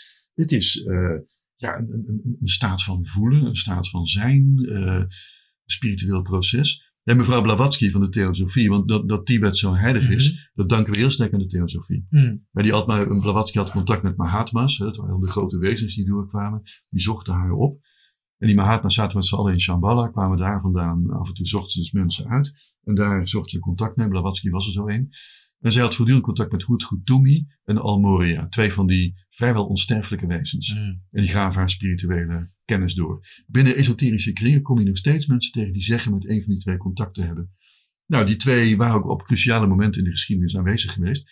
Een van de twee is Pythagoras geweest. En de andere was de koning Balthasar bij de kerststal. Uh, tijd van het jaar, we gaan we naar kerst toe. Hè? Ja, ja. Dus die had bij de kerststal gestaan en heeft de geboorte van Jezus meegemaakt. En deze Mahatma's, die grote zielen, zochten dus contact met wezens in de gewone wereld. En Blavatsky was er daar een van. En ze kwam ze wel eens tegen, gewoon in een park in Londen of zo. Blavatsky zelf zegt ook in Tibet te zijn geweest. Hè, um, waarvan Blavatsky is bekend dat ze af en toe Wacht, een soort... Uh, in Tibet? Ja, in of Tibet. in daar is, Tibet? Ja, daar is ze geweest. Ja. Ja. ze zegt zelf in het heuse echte Tibet met de bergen en zo. Maar ze bedoelt Tibet. He, want uh, ze heeft, uh, van haar is bekend dat ze af en toe drie maanden in een kabinet lag. Uh, ja, zal, je zou het nu een depressie noemen of ja. ja. goed, iets psychisch. Um, dan kwam ze weer tevoorschijn uit haar slaapvertrek en zei dat ze in Tibet was geweest, een mentale reis had gemaakt. Mm. Het was in die tijd heel geaccepteerd dat dat kon. Mm. Dat je mentale reizen kon maken. Ze heeft ook tekeningen gemaakt van haar Tibet. En op de tekeningen van haar Tibet zie je palmbomen. Mm. Nou heeft Tibet ligt vrij hoog. Mm. Er staan sowieso weinig bomen in Tibet. Dus, Ja, dus echt, al helemaal ja. niet. Het, het, is geen tropisch gebied. Maar haar Tibet is wat anders dan de regio die wij nu met Tibet aanduiden. Ja. Ja. Dat is natuurlijk ongelooflijk boeiend, want het zegt weer iets over hoe men in die tijd naar de wereld keek. Maar die erfenis dragen we nog steeds als we kijken hoe wij vanuit het Westen Azië bekijken. We hebben een heel sterk orientalistisch wereldbeeld. Hè? Westelingen hebben de vermogens tot organisatie. En de Aziaten hebben de spirituele Hmm. uh, gaven die de Westelingen dan weer niet hebben. Dat is heel zwart-wit denkend. Dat, dat, is, dat klopt helemaal niet. Uh, Chinezen kunnen uitstekend organiseren. Indiërs trouwens ook. Dat kunnen ze best. Uh, maar anders dan hoe wij dat zouden doen. Mm. En spirituele tradities hebben wij in het Westen net zo goed. Alleen, ja, we kijken, we kijken heel vaak daarvoor tegenwoordig naar Azië. Die kunnen dat beter of zo, vinden we. En uh, kun je, kun je signaleren waarom dat zo is? Is het gewoon een simpel verhaal van het gras is groener aan de andere kant? Of? Dat speelt een hele grote rol. Ja. Ja, ja en, en dat Blavatsky het zo vaak gezegd heeft. En Blavatsky, die, die is, uh, kijk, de theosofie uh, was natuurlijk op zich, dat, dat, zijn, dat gaat niet over gigantische aantallen mensen die daarbij hoorden. Mm. Maar het gedachtegoed zijpelde enorm ver door. Uh, als je kijkt naar boeken over paranormale verschijnselen. Hè, die stonden vroeger bij de slechte in de kelder altijd, al dat soort fotoboeken. Er zijn altijd foto's van eind 19e, begin 20e eeuw. Spontane zelfverbrandingen, uh, geesten die op foto's verschijnen en zo. En dan heb je een familieportret en plotseling staat daar een overledene tussen, Mhm. weet je wel, dat soort dingen. Mm. Lag ook een beetje aan de kwaliteit van de fotografie uit die tijd. Maar goed, Mm. in die vlekken zag men van alles. Uh, het fotograferen van ectoplasma. Als een geest zich openbaarde, dan kwam er iets Ja. uit het lichaam voort. Dat was de geest. En dat is echt altijd eind 19e, begin 20e eeuw. Toen speelde dat. En dat gedachtegoed, dat zijpelde enorm door. In Den Haag, hè, waar je natuurlijk die, die uh, burgerlijke middenklasse had. Met name heel veel vrouwen die alleen maar binnen zaten. Dus de, de, de, mannen werkten, die waren notaris en advocaat en zo. Dus de sfeer van Couperus. Want Couperus is zwaar beïnvloed door de theosofie. Louis Couperus, de schrijver.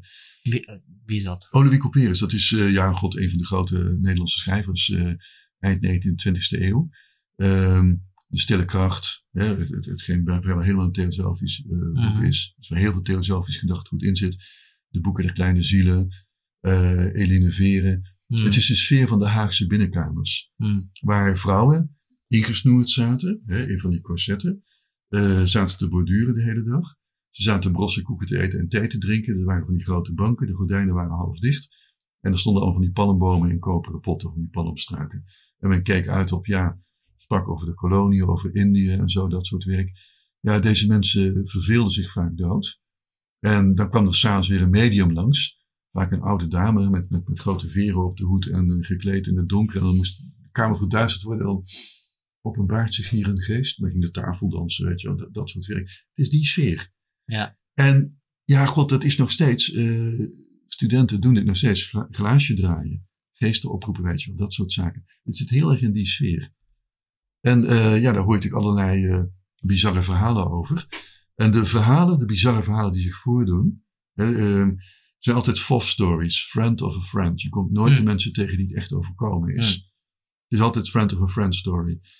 Tussen Utrecht en Zeist, ik woonde twintig jaar in Utrecht voor ik hier in Nijmegen belandde.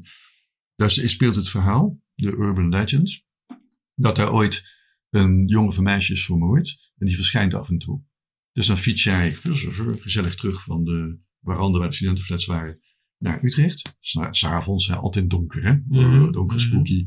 En opeens staat er een meisje langs de weg. Die wil met jou, die is de weg kwijt. En vraagt of ze achter op jouw fiets mee mag naar Utrecht. Nou, jij fietst door naar Utrecht. En opeens merk je, ze is verdwenen. Je gaat kijken, waar is ze, waar is ze? Nou, niet. Je gaat naar de politie. Ja, een meisje verdwenen. Dan zegt de politie, ga maar even zitten, kopje koffie. Je bent de vierde al dit jaar. Er is daar ooit een meisje vermoord. En... Uh, en die verschijnt af en toe. En iedereen kent wel iemand die dat gezien heeft, ja, maar niemand heeft, hem zelf, heeft, heeft het zelf meegemaakt. Ja, ja, ja. Je krijgt nooit de persoon te zien of te horen die het zelf heeft meegemaakt. Altijd de FOF stories. Hmm. Ja, maar ik ken een verhaal dat. Iemand vertelde me ooit dat. Ja, daar gaan we. En dat is een traditie, de FOF story.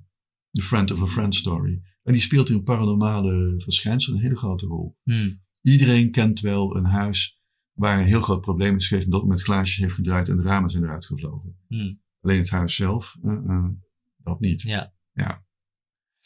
Je zei ook al uh, eerder van, dat wij hier in het Westen denken dat boeddhisme geen religie is. De kern is, is de meditatie. Um, Hmm. Maar dat zien ze dus Ja, in Azië heel anders. Azië heel ja. anders. Ja. Hoe werkt dat? Ja, um, het heeft te maken met wat wij uh, ons bij religie voorstellen. Mm -hmm. Als de term religie valt, dan denken mensen heel snel aan dingen die niet mogen.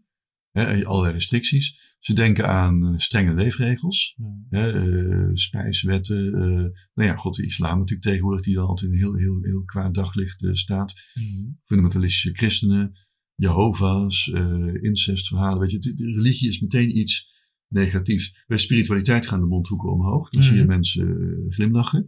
Zij dat spiritualiteit weer een beetje op zijn retour is. Uh, lichaamsgericht werk neemt het nu over. Maar uh, boeddhisme werd niet als religie beschouwd. Maar dan vallen termen als filosofie of levenswijze. En dat had ermee te maken dat uh, in het boeddhisme God niet centraal stond en staat. En dat is waar. Ja. Het goddelijke staat niet centraal. Dat wil niet wel eens de claim gehoord dat er geen God is binnen het boeddhisme. Ja, het zit er juist helemaal vol mee. Okay. Vol. Alleen, we zijn er heel selectief in het Westen mee omgegaan. Goden mm. doen niet mee. We hebben al die goden eruit gelaten. Mm. Dus, dus wij zeggen dat het boeddhisme atheïstisch is. Terwijl als je in Azië komt, zit chock vol goden. Als ik met uh, mijn toeristen in een boeddhistische tempel sta, dan komen een heleboel goden tegen. Ook op de markt waar ze de beelden verkopen staan heel veel uh, godsbeelden. En dan zeggen de mensen in mijn groep, ja, maar ze geloven toch niet in God? Dit is toch inconsequent? Dan gaan wij witneuzen weer uitmaken wat die mensen moeten doen. Op. Als op de markt staan in India. Ja, en in, in, ja. ja, Thailand bijvoorbeeld. Heel veel hindoe-goden altijd meedoen in de, in de tempels. Dat mag dan niet, want ze zijn boeddhist en dus mag God niet meedoen. Hé, dat maken die mensen zelf van uit. Mm. Dan ben je dus heel erg oordelend vanuit een soort norm die wij hier bedacht hebben, beoordelen wij andere volkeren. Ik ben in Sri Lanka een keer een monnik tegengekomen, die uh, sprak goed Engels, die zei een beetje vermoeid, waarom vragen jullie altijd of boeddhisme een religion is? Dan denk ik, ja, dat komt omdat we al die verschillende woorden hebben. Religion uh, is, uh, of spirituality is tegenwoordig een kwalificatie. Mm -hmm. ja, dat, dat, vinden we mooier dan religie. Uh, spiritualiteit vinden we, vinden we een mooie term. Filosofie vinden we een mooie term. Maar religie, ja, dan moet je weer dingen geloven. Mm. En zegt men heel vaak, bij boeddhisme hoef je niks te geloven, want je ervaart het. Nou, dan gaan we alweer. Dat is alweer een hele lastige kwestie dit. Maar deze monnik zei tegen mij, ik word er zo moe van. Waarom mogen de andere vier, hè, hindoeïsme, christendom, jodendom, islam wel een religie zijn? En mogen wij alleen maar een filosofie zijn? Of een way of life? Of uh, ja, een spirituality. We willen ook een serieuze religie zijn. Hmm. En het is natuurlijk zo dat dat denken... Dus waar wij hier zeggen, het is geen religie omdat we Ja. denken, omdat we vinden, dan is het beter. Beter is dat juist daar een disqualificatie. Ja. Als wij vasthouden aan het geloof in vijf wereldreligies, wat we dus in het Westen heel duidelijk doen, dat geloof in vijf wereldreligies, dat er vijf wereldreligies bestaan, is trouwens een product van de koloniale periode. Hè? Mhm. Dat is echt zo toen men de koloniën in, eh, het gedachtegoed van de, van de koloniën in eh, kaart ging brengen. Toen kwamen de verhalen over vijf wereldreligies. Als je zegt vijf wereldreligies, dan zeg je dus ook dat de oude Amerika's, Noord- en Zuid-Amerika en Afrika, voor de komst van het christendom geen religie hadden. Nou ja zeg, dat zijn waardeoordelen. Alsof die mensen niks, niks, niks geloofden. Want de wereldreligies, de vijf, en de vijf waar we het altijd over Mhm. hebben, zaten niet in Afrika. Ja, eh, de islam zat natuurlijk in Noord-Afrika, Ja. maar niet, ja, zuiden Sahara een beetje, maar niet, niet, niet helemaal in het diepe zuiden. En Noord- en Zuid-Amerika helemaal niet. Wat voor religie zat er daar dan? Ja, God de Maya's, de Incas, Ja. eh, Noord-Amerikaanse, de Native Americans, die allerlei eh, shamanistische rituelen, geloofsvoorstellingen hadden, dat ze ook allemaal geen religie zijn. Hmm. En tegelijk hoor je zeggen, religie is deze mens eigen. Hè, dit, dit type Ja. mens eigen. Maar volgens mij is, ik zou zeggen, die, vijf, die verdeling van vijf religies gaat om de huidige bestaande vijf religies, die, Ja, de vijf grootste. Maar zel, ja, de vijf grootste, maar zelfs dan. Hè? Maar, maar dat we dus in die vijf geloven, is in de koloniale tijd ontstaan. Ja. In die tijd. Dus we, we, we, we, we plukken die erfenis wat dat betreft. Er zijn zo godsdienstwetenschappers die zeggen we moeten dat gewoon loslaten. Als ik, als ik eh, de religies van Azië opnieuw zou mogen indelen, dan zou ik een aparte religie maken van het goddelijk koningschap. Het goddelijke koningschap. De koning die als vertegenwoordiging van de bovenwereld Mhm. en vertegenwoordiging van de hoofdgod of iets dergelijks op aarde zijn pendant is. De keizer van China, Mhm. die regeert als de Poolster. En de Poolster is het centrum van eh, de nachtelijke hemel. Alle sterren draaien daaromheen. En zelfs de swastika's ontstaan alle waarschijnlijk uit het sterrenbeeld grote beer, verbonden aan de Poolster in de vier stadia van de nacht. Mhm. Ehm, de- de- alles draait om de keizer, zoals de sterren draaien om de Poolster. Mhm. En de koningen van Cambodja, de koningen van Thailand, dat zijn goden. Eh, op het ogenblik hebben we in Thailand Rama de tiende, hè, uit Sri Lanka kwam. Nou, die heet niet voor niks Rama. Rama is een incarnatie van de hindoe god Vishnu, op aarde verschenen om het boeddhisme te beschermen. De hindoe god die op aarde eh, verschijnt om het boeddhisme te beschermen. En zo kan ik talloze voorbeelden Ja. geven. Dus die, die verdeling van vijf religies is, eh, Eigenlijk. klopt niet helemaal, want Nee. het is gemaakt door, eh, door, door, door Ja, mensen die, die ja. er buiten stonden en eigenlijk niet een goede interne kennis hadden Ja, van de ja, verschillende en- en religies. Hun eigen criteria op de religie loslieten. Bijvoorbeeld eh, God, heilige schriften. Eh, hè, want, want van de drie oude religies, Jodendom, Christendom, Islam in die volgorde, kenden we allemaal een, een oud en een nieuw geschrift. Hmm. Dus dus eh, van het, eh, Heeft de Koran ook een oud en nieuw geschreven? eh, de Koran en de Hadith. Ja? Oh ja, de hadith, ja. Ja, ja, ja, ja, Dus het, het loopt niet helemaal parallel, maar een beetje wel. Hè? Ja, zou En zo heeft ja, het Jodendom de, de, de, de, de Torah en de Talmud. Mhm. En het christendom Oude Nieuwe Testament. Mhm. En ze hebben allemaal twee van die geschriften. Dus wat deed men in Azië? Men ging bij het Hindoeïsme ook dat zoeken. Nou, een oude heb je zo gevonden, de Veda of iets dergelijks. Maar een nieuwe, dat was ingewikkeld. Het idee dat was, dat ja. is hoe een religie ook Dat horen ze allemaal te hebben. Ja. Dat hebben de drie oude ook. Dus moeten zij ook hebben. Ja. Dus wat kreeg je? Ja, de Veda. Ja, oké. nou, een nieuwe. Uiteindelijk zei ja, nou, dan maar de Bhagavad Gita. nu heeft de Bhagavad Gita de naam Nieuwe Testament van het Hindoeïsme. Maar dat is zo koloniaal als wat, om het, om het, om Ja. het zo te zien. En wordt het op dit moment nu ook zo daar, vanuit daar ervaren, van Ja. binnenuit? Ja. Dus dat die koloniale categorisering in principe, heeft, heeft wel eh, vrucht gedragen. Nu is de Bhagavad Ja. Gita eh, heeft dat negatieve effecten voor de religie of voor de voor, de, voor de beeldvorming. En ook voor eh, ja, wa- wat men met teksten doet. En ook, de Bhagavad Gita eh, wordt door heel veel mensen als een hele fraaie tekst zien over de onsterfelijkheid van de ziel en het goddelijke, et cetera. Maar het is ook een tekst die het kastenstelsel in stand houdt. Het kastenstelsel. kastenstelsel, ja, ja. dat, dat, dat staat er letterlijk in. Je moet de dharma van jouw positie, van jouw kasten goed doen. Ehm, het is beter om die eh, van je eigen positie slecht te doen, dan die van een ander goed. Nou ja, zeg. Hoe? Dat Ja, begrijp eh, ik bij helemaal. iedere kaste, bij iedere stand, bij iedere kaste hoort een specifieke dharma. Ja. Brahmanen doen de rituelen, Kshatriyas verdedigen het land, Vaishyas zijn handelaren en boeren, Shudras zijn de dienaren. Als je in zo'n club geboren bent, moet je die verplichtingen doen. Ja. En het is beter om die slecht te doen, dan die van een ander goed. Dus als een Ah, Brahmaan Oké, dus je, Ja. je, je moet je binnen je kast binnen je gedragen. kasten gedragen. Dus eh, binnen het boeddhisme is het niet, is er, er is geen gebrek aan hiërarchie, er is juist een heel sterke Heel hiërarchie. sterk hier. Ja, dit is, dit is weliswaar hindoeïsme. Sorry, maar, ja. maar boeddhisten in India deden daar ook aan hoor. Ja. Dus boeddhisme is niet anti-kastenstelsel. Dat denken mensen heel vaak, maar dat is helemaal niet waar. De boeddha was tegen kasten binnen zijn monnikengemeenschap. Mhm. Maar niet eh, als het ging om de gewone lekenaanhang. Daar werden de kasten gewoon gehandhaafd. Mhm. Maar er is ook een heleboel wishful thinking dat de boeddha tegen het kastenstelsel was. Nee, dat blijkt nergens uit.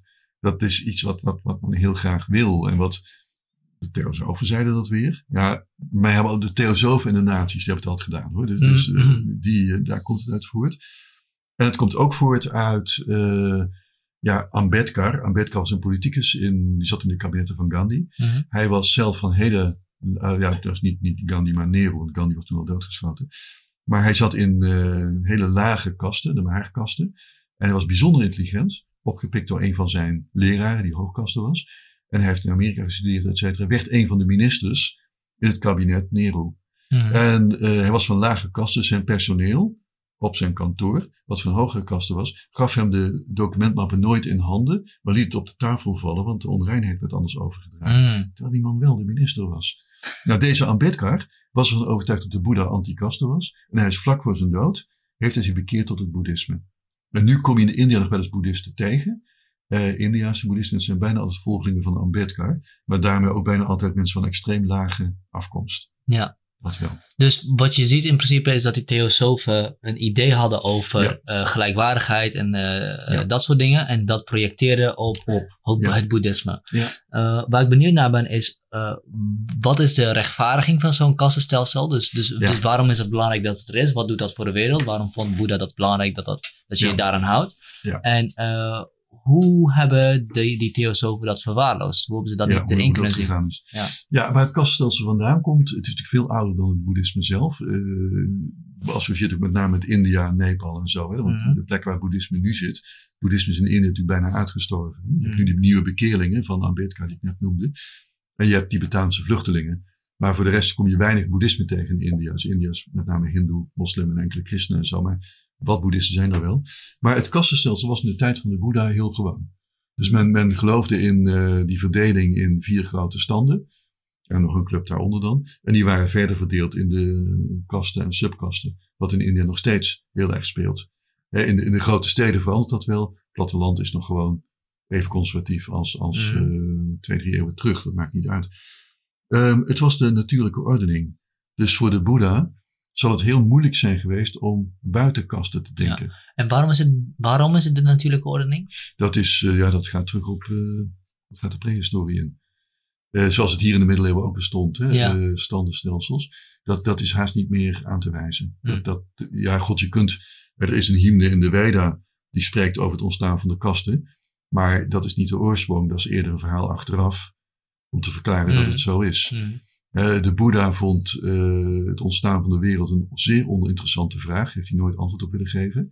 Hoe het nou toch zo gekomen is.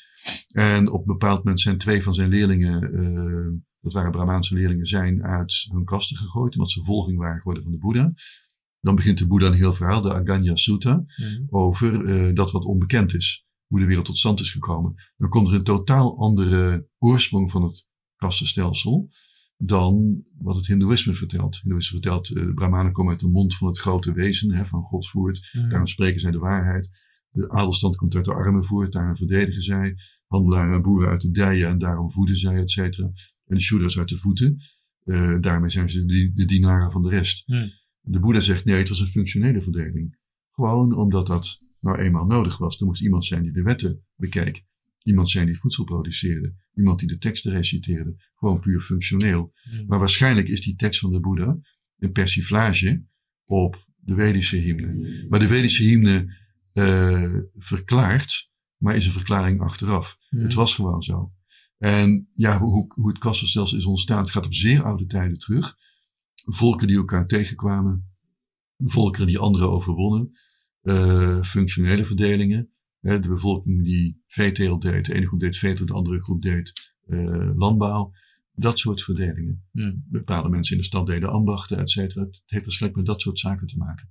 En uiteindelijk zijn dat aparte groepen geworden, die uh, reiner of onreiner zijn. En onder elkaar huwen bijvoorbeeld. En je huwt binnen je kasten. Hmm. Je hoort niet buiten je kasten te huwen. Hmm. En vandaar ook dat de huwelijken in India zo ongelooflijk complex zijn. En waar komt dat idee van die reinheid vandaan? Ja, Want in, in een functionele verdeling is het, zo, is het zo dat iedereen zijn rol vervult in principe. Zonder Ja. voeten kun je niet lopen, ook al worden ze het meest vies. ja, ja. ja. Eh, toch is gaat dat het, toch gaat het een rol of- spelen. Dus iemand die, eh, de, de, de laagkastenmensen die, die de wc moeten schoonmaken, dat zijn absoluut laagkastenmensen, die zijn onrein. Hmm. Een menstruerende vrouw, hoe hoog van kasten ze ook is, is tijdens de menstruatie onrein. Hmm. Mag de tempel ook niet in. Hè, dus, dus reinheid is ook iets wat, wat je niet altijd belichaamt, maar een laagkastenpersoon kan nooit reinheid belichamen. Hmm. Hoogkastenpersoon kan dat wel, maar kan die reinheid wel tijdelijk kwijtraken Hmm. door bepaalde dingen te doen die niet horen of ja, die nou eenmaal moeten, Ja. maar eh, dat, dat kan. Ja, dat zijn, dat zijn hele oude ideeën. Ja. En dat, daar, is, daar is niet meer één oorsprong van te geven. Tenzij je weer gaat geloven dat inderdaad de Brahmanen uit de mond van het grote wezen komen. Ja, dan moet je weer gaan geloven. Hè? Dan, dat, dat, gingen we niet doen. Dat gingen Ja. we niet doen. Ja. Nee, want dat, ja. Dus ik ervaar het niet als een handicap of zo. dat Nee, nee, nee, nee. geloven. Maar het is intussen wel zo. Ja. Ehm, en hoe hebben dus die theosofen dat in principe eruit gehaald? Want Ja, de, de hele samenleving, samenleving het, is er doordrenkt van. Ja. Toch? Ja, eh, de theosofen trokken op met eh, hervormers van de toenmalige hindoe-samenleving. Mhm. Dus bijvoorbeeld Dayananda Saraswati, die kwamen ze tegen.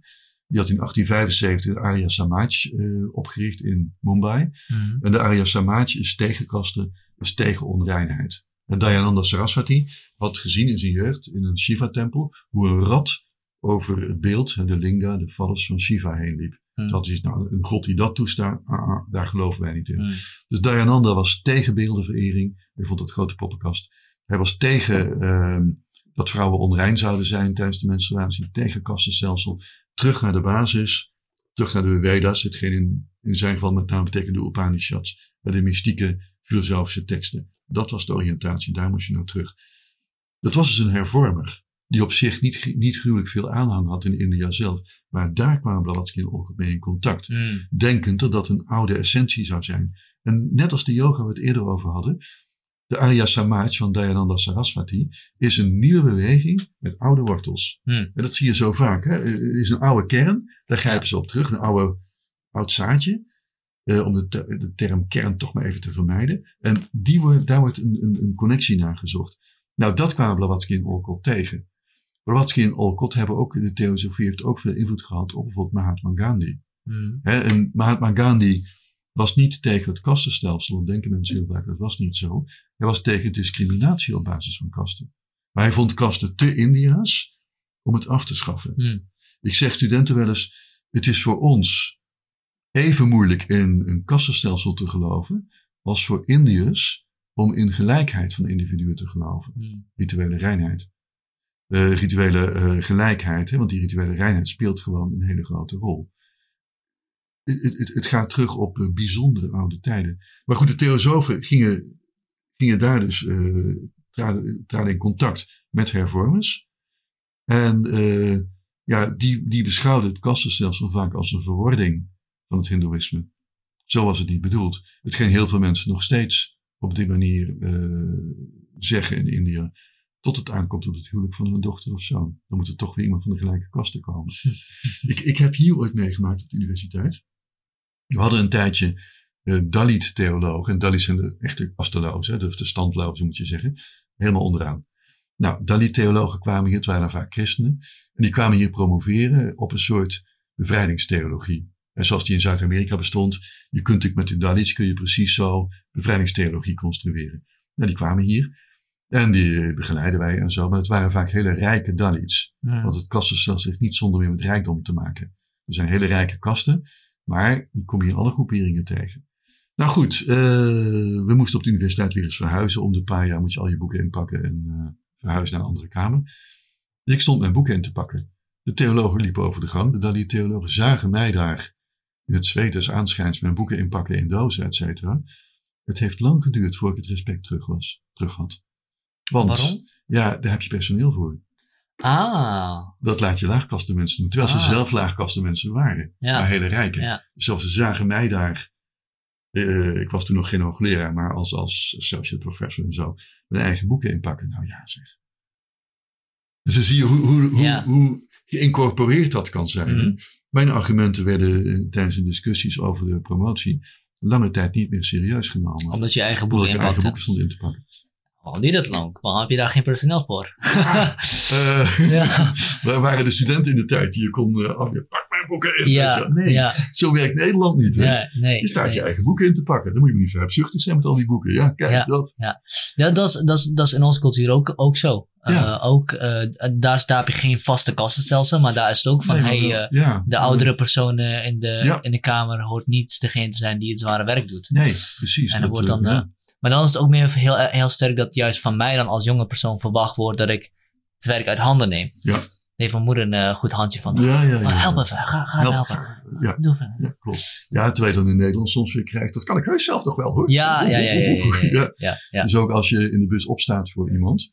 eh is dat een beetje moeilijk inschatten van, wordt dat nou gewaardeerd of, Of niet? niet, hè? inderdaad, ja. Omdat eh, ja, sommige mensen vinden dat dan wel plezierig en anderen denken, nou, zo oud ben ik nog niet. Ho, ho, Ja, ho, precies. En, en wij hebben natuurlijk heel erg dat we met, bijzonder met ouderdom associëren Mhm. en niet met respect. Mhm. Ja, want, want je kunt voor iemand respect hebben gewoon op basis van, ja, die is, die is wat ouder dan ik. Nou, Mhm. gaat u toch zitten.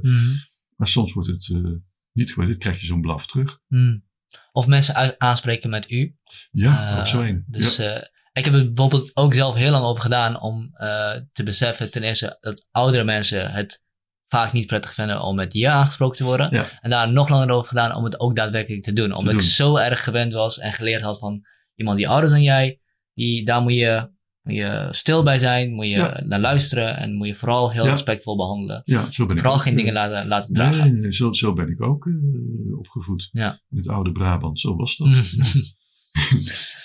Waar ik ook naar benieuwd ben, is eh, hoe zit dat? Die, nou, nou, even een andere vraag. Eh, Ja. eh, is het boeddhisme eh, eh, vredig of juist niet? Nee. Totaal niet, toch? Nee, ehm, dat denken we eerst. Het is ook zo'n zo'n theo- theosofische erfenis. Ja, don't blame it on the sunshine, don't blame it on the good time, don't blame it, eh, blame it on the theosofen. Eh, nee, dat is weer een beeld wat opgeroepen is door eh, de theosofen. Ja. En uiteraard ook door de Dalai Lama. Eh, eh, die, die altijd praten over wereldvrede, allemaal hele mooie boodschappen. Ja. Maar het zijn mensen. Dus, dus eh, ik hoor ook eh, ja, prominente mensen in Nederland zeggen: nee, boeddhisme is de enige religie. Dan is het opeens, valt het woord religie opeens Ja. weer. Hè? Ja, Waar nog nooit een oorlog door geïnstigeerd is. Die nooit aanleiding is geweest tot een oorlog. Dan denk ik bij mezelf: read history. Lees Hmm. een geschiedenisboek. En met name over Tibet en Japan, et cetera, en China en India. En kijk eens hoeveel voorbeelden er zijn, want het zit er vol mee. En wanneer is iets een boeddhistische oorlog? Dat is natuurlijk altijd een beetje een moeilijk punt. Hè? Eh, ik vind dat dat criterium is als monniken het legitimeren. Mm. Ja, want in oorlog ga je niet zomaar om een religie beginnen. In oorlog begin je nog eens een keertje ook dat je een bepaalde haven wilt hebben of zo. Of een handelsroute wilt controleren. daar is religie een ja, goede... is- en religie is een goede dekmantel daarvoor. Eh, bezit van relieken, hè, reliquieën van de Boeddha, dat is vaak een hele goede legitimering geweest voor oorlogen. Eh, 1057 na Christus, koning Anuvrata van Bagan, viel de havenstad Taton aan. En dat deed hij omdat hij was bekeerd door Ashen Viratu, een monnik die, een boeddhistische monnik die op Sri Lanka was geweest. Nou, die had Anuvrata bekeerd tot het pure Theravada-boeddhisme, wat dan in die tijd speelde.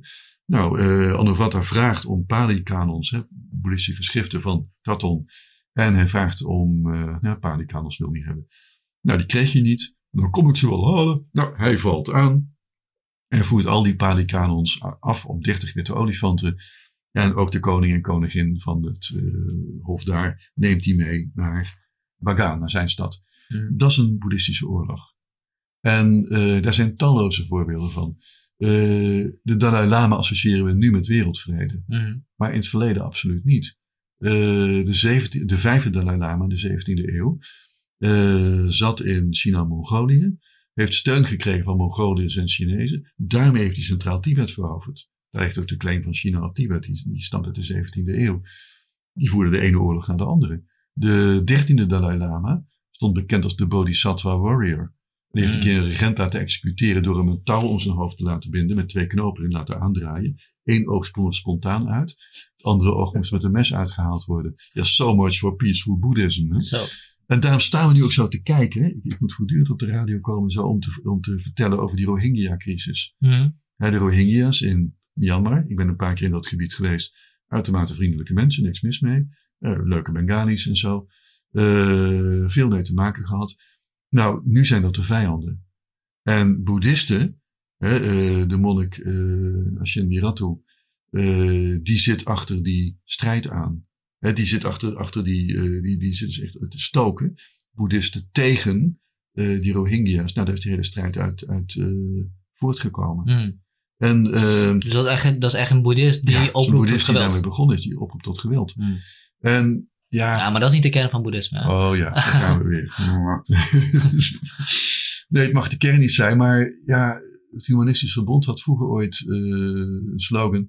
eh, fighting for peace is like fucking for virginity. Mhm. En eh, ja, voor je het weet, belichaam je wie je nou net niet wilt zijn. Hè, En dat gaat mis.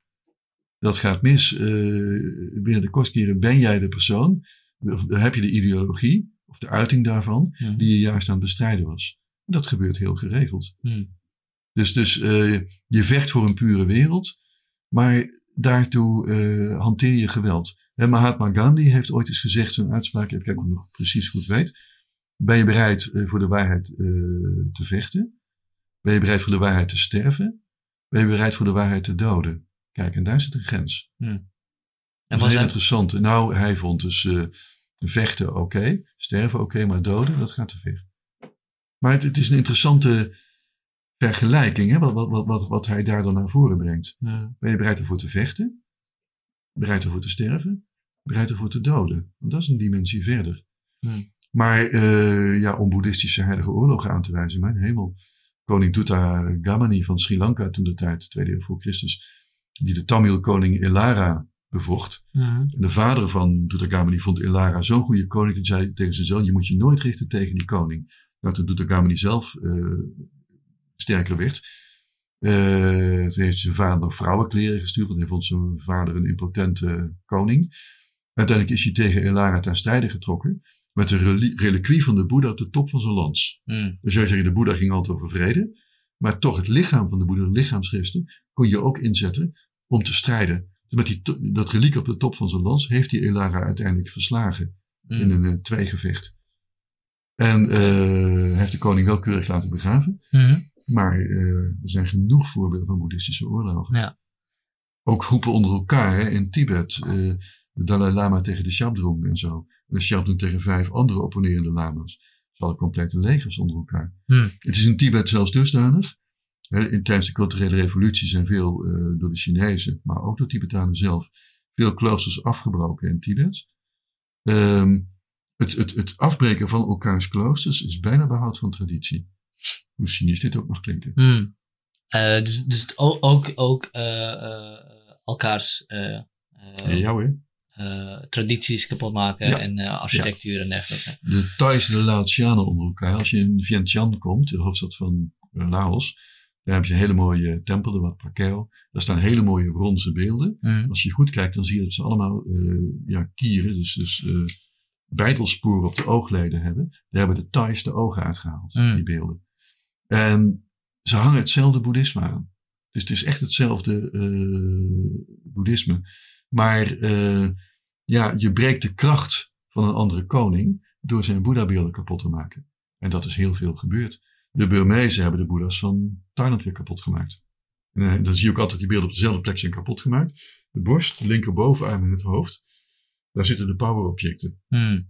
De relieken, de schatten zitten altijd op die plekken. Je ziet ook altijd Boeddha-beelden als ze beroofd werden. De leeggaten altijd daar, daar en daar. Dat zijn de plekken waar ze werden opengebroken. Ja, we, we, we maken vaak het argument dat, eh, dat religies gebruikt worden om, om mensen te vermoorden. Dat er alleen maar Ja. slechte dingen uitkomen. En dat vooral het christendom daar de schuld aan heeft. En vooral Ja. de islam daar de schuld aan heeft. Ja.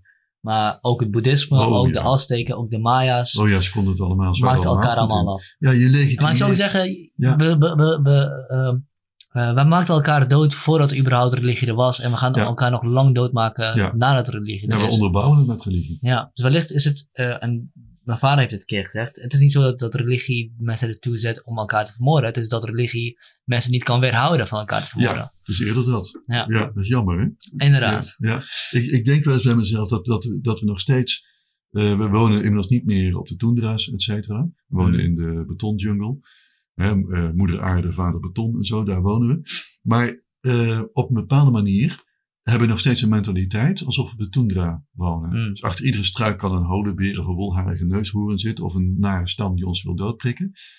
Dus we hebben nog steeds een vijandsbeeld in ons hoofd. We voelen ons voortdurend bedreigd. Mm. En bij gebrek aan een echt reële vijand gaan we hem creëren. En gaan we een ander demoniseren. Op donkere momenten denk ik dat- dat wel eens. Mm. Het is waarschijnlijk een veel te simpele theorie om ons gedrag te verklaren. Maar we hebben een vijandbeeld in ons hoofd. Dus ons, ons verstand of ons geheugen loopt misschien wel achter bij de samenleving waarin we lopen. Mm. eh, waarin we leven. Misschien hebben we nog steeds een toendra in ons hoofd. Mentaliteit. inderdaad. Toendra Ja. mentaliteit. Het- Je noemde ook de Dalai Lama net. En, en, Ja. eh, en wat me ook opvalt is dat de Dalai Lama echt een, eh, een persoon is die, die echt veel reverence heeft. Ik weet niet of het Ja. het Nederlandse woord daarvoor Ja, eerbied. Respect. veel eerbied, respect, Respect, ja. voor veel dingen gevraagd wordt. Ja. Maar het is, het is in principe gewoon een, een, Ja. een, een monnik. Of, Het is eh, gewoon een monnik. Een, een, Het is niet ja, iemand die per se enorm goed eh, gelezen is in de, in de problematiek waar hij voor gevraagd wordt. Of, Nee, of, of zie ik het verkeerd? niet. Nee, nee, nee, dat zie je goed. Nee, zeker niet.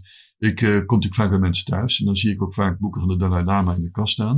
Mm. Dan zie ik altijd dat de eerste twintig pagina's gelezen zijn, de rest niet. Dat- dat- Oh, je ziet dat dan natuurlijk ja, dat, zie je eh, ja, ja, ja. Mhm, mhm. Mm. Ja, ik ben al wel bezig mijn eigen gelijk te onderbouwen natuurlijk. Ja, zie je wel, dacht ik het niet. Maar, maar ehm, ja, eh, pas was hij weer in Nederland. Hè, de tentoonstelling in Amsterdam eh, Ja. heeft hij geopend, 15 september. Ik was bij de opening. Ehm, de man is zo onvoorstelbaar oud inmiddels en zo breekbaar. Mm. Ja, hij moest dus ook op eh, bepaalde problemen reageren. Die, die spelen dus bijvoorbeeld eh, robotisering van de samenleving. En op moeten we het leven nou oneindig rekken van mensen.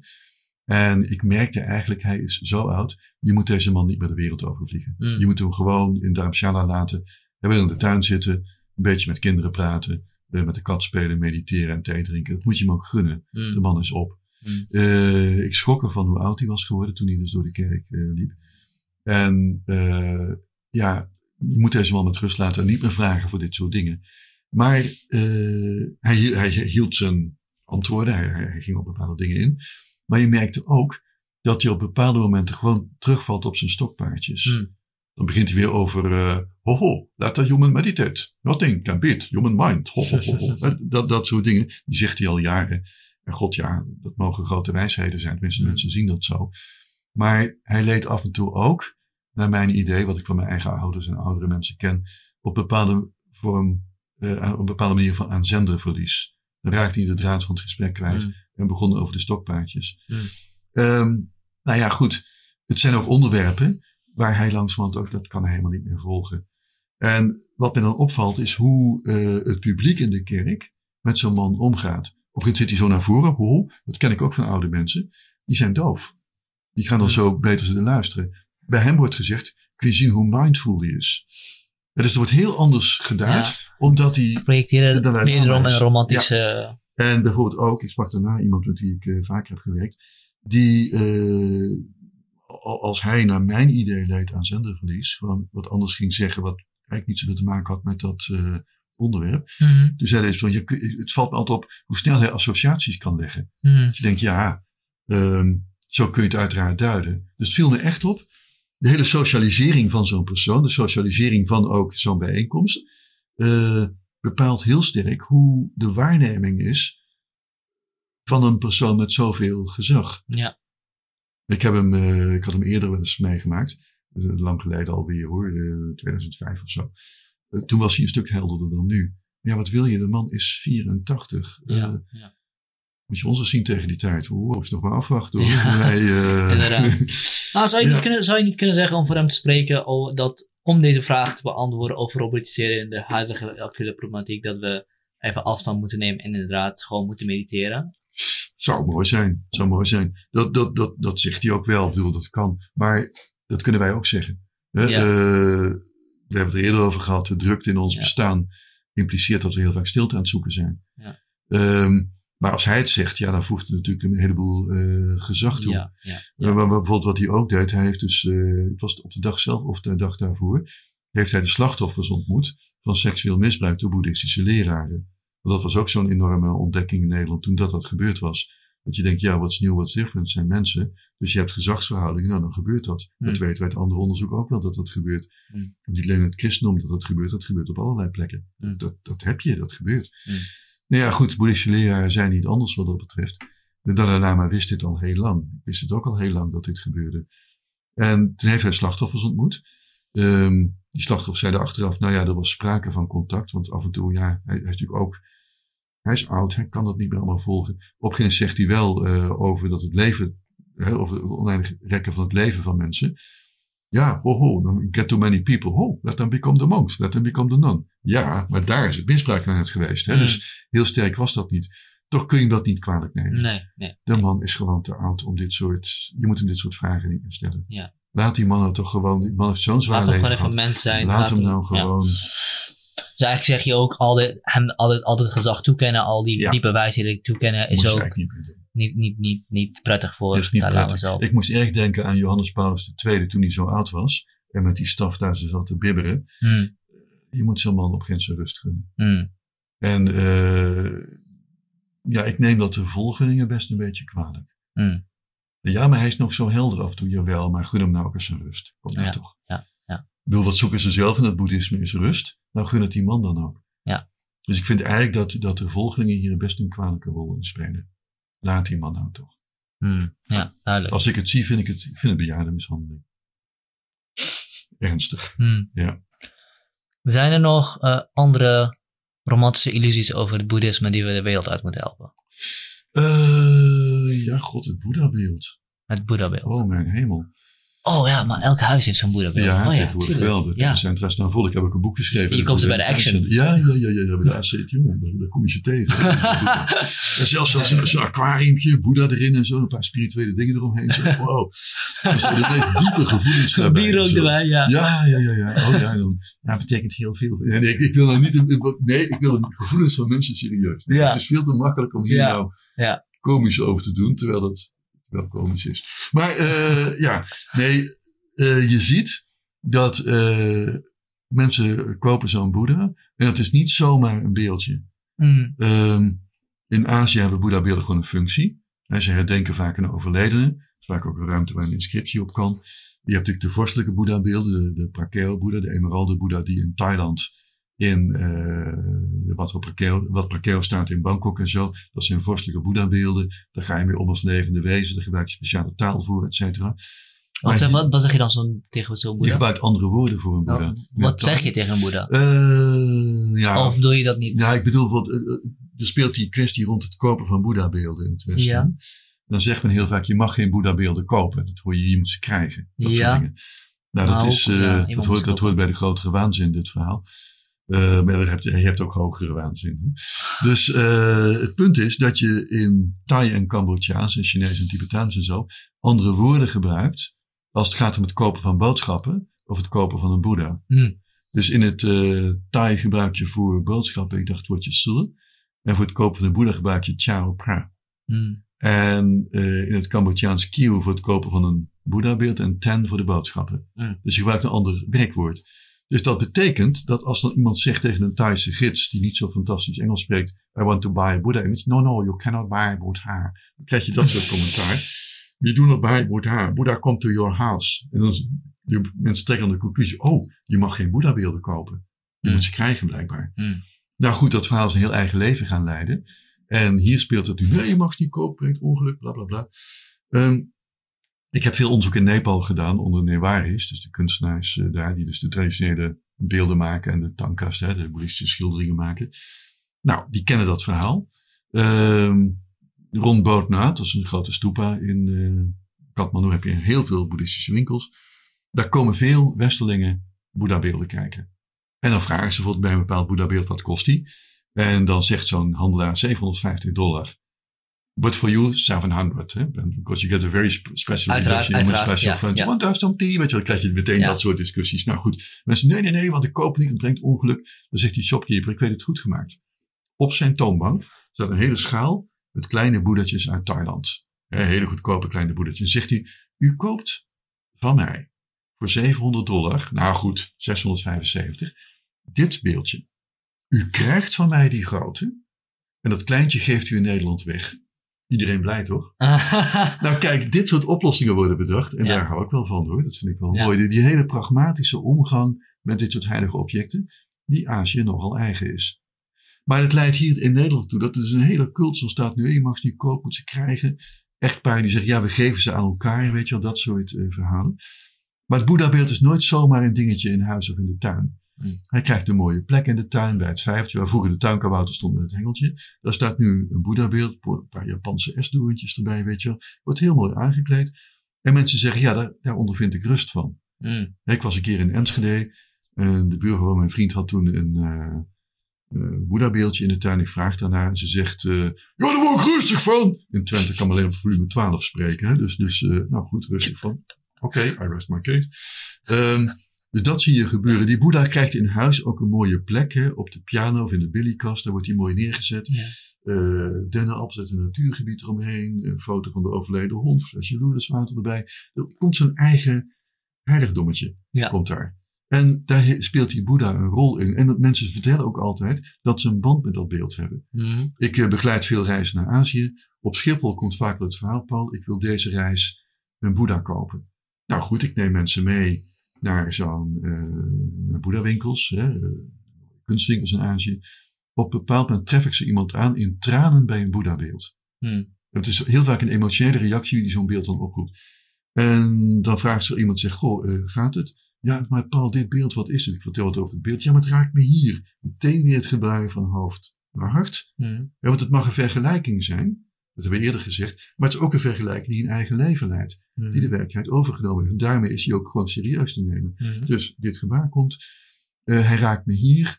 Eh, wat is dit voor beeld? En uiteindelijk gaat dat beeld mee in de handbagage terug naar Nederland. Wat ook gebeurt, wat ik een keertje in Cambodja heb gehad, dat een echtpaar toen zei, wat is het voor Boeddha? Ik vertel dat, wat die Boeddha is. En de vrouw van het echtpaar vertelt, ja, we hebben een hele speciale reden om die Boeddha te, aan te schaffen. Onze zoon is omgekomen. We willen dat dit beeld onze zoon gaat herdenken. Mm. Ik wow, dit gaat over hele diep fundamentele dingen. En dat speelt allemaal rond dat Boeddha-beeld. Mm. Waardoor je dus ziet, eh, de voorstelling van de Boeddha is nooit zomaar... Het zijn niet de twee cocoonganzen hè, die in die jaren 15 geleden over aan de vensterbanken stonden. Het is een heel ander wezen. Het is een heel ander beeld dan zomaar niks. En het, het, het komt ook heel vaak voor. Ja, het is een beetje minder. Een jaar of tien geleden kwam het nog wel eens voor. Mensen bellen me op of sturen me een foto van een Boeddha-beeld. En dan moet ik er van alles van vertellen, want het beeld is zo bijzonder. En dan zag je een Boeddha bij je en dacht, ja, hij is bijzonder voor jou. Mm. En dat, dat neem ik heel serieus. Maar als beeld, als ik zeg, is dit nou kunsthistorisch gezien een bijzondere Boeddha? Nou nee, Nee. Heel gewoon. Dus Maar het- voor die persoon wel, en dat is serieus. Ja, het, beeld, het beeld van de Boeddha is een soort van cultureel ar- artefact geworden in onze Ja. samenleving, waar we Ja. van alles instoppen. Wat natuurlijk per definitie niet, niet een probleem is, maar Nee, het, eh, wanneer we denken dat dat teruggaat naar een of andere eh, fundamentele waarheid, is dat ver te zoeken, dat want je koopt hem gewoon in de action, inderdaad. Er zijn ook heel mooie beelden. En het is natuurlijk heel, en, en er is ook heel veel voor te spreken om in je eigen huis een plek te creëren voor rust of je in doen. Esthetisch zit ook heel goed Ja. aan elkaar. En ik, ik, voor mij is het altijd een criterium. Maar ik denk ja. dat, dat, dat, dat, mensen dat nodig hebben om te geloven dat het teruggaat naar iets diepers. Ja, dat ja, dat dat ze is dat niet alleen iets wat ze zelf creëren. Ja, het moet, het moet ook een hele oude geschiedenis hebben. Dat, Ja. dat is mooi. En eh, kijk, bij, bij dit soort dingen, eh, ik, mijn, mijn criteria zijn altijd, eh leiden andere wezens hieronder, vindt justitie het goed. Hmm. Nou, als er allebei sprake is, is er helemaal niets aan de hand. Als mensen dat willen, een mooi altaartje inrichten. Maar Omdat dat, het ik, denk dat het probleem is dat het niet genoeg is voor iemand om dat, dat te hebben. Ja. Je- wilt iets wat jezelf overstijgt. Je wilt iets Ja. wat, wat verder gaat dan alleen maar wat jij erin stopt. Ja. Plus je zult het moeten kunnen uitleggen aan mensen die over de vloer komen. Ja. Die vaak een soort verantwoording van, goh, je hebt een altaartje hier. Ja, zeggen mensen dan glimlachen. Dan komt er een verhaal Hmm. waarom dat is. En dan is vaak het verhaal van, ja, daar vind ik rust bij. Maar uh, dat is te weinig. Eh, mensen hebben behoefte om een soort, ja, bijna, bijna een apologie te bedenken waarom ze dat hebben. Hmm. ja, ik vond het op een gegeven moment belangrijk om ook eens te, te zeggen van kijk, hier, eh, hier zie ik mezelf in terug. Mm. Dan zie je weer binnen-buiten, hè? dan komt die kwestie weer. Of eh, ja, ik, ik, ik, had op een gegeven moment toch behoefte om, om wat ik voel vorm te geven, variatie wat ik net zei. Mm. Of ik kwam dit beeld tegen en dat zei me iets, het raakte me zo, dat ik dacht, hier moet ik iets mee. Ja, en toen is het van het een is het ander gekomen. Doen. Ja. Als, als ze dat nou willen. Ja. Als ze daar gelukkig door worden. Het belangrijkste is, je mag een Boeddha-beeld gewoon kopen. Ja. Brengt geen ongeluk. Ja, komt het Als er geen Boeddha-beelden te koop waren geweest, hadden, waren de musea een stuk leger geweest. Ja. Dus er is al jaren een, een, een grote handel in Boeddha-beelden. En nog steeds. Ja. Alleen in taal werd het vaak anders benoemd. Het is wel even interessant te benoemen trouwens. Ik noemde net dat, die, dat de Boeddha tegenwoordig de plek inneemt van de kabouter, van de tuinkabouter. Mhm.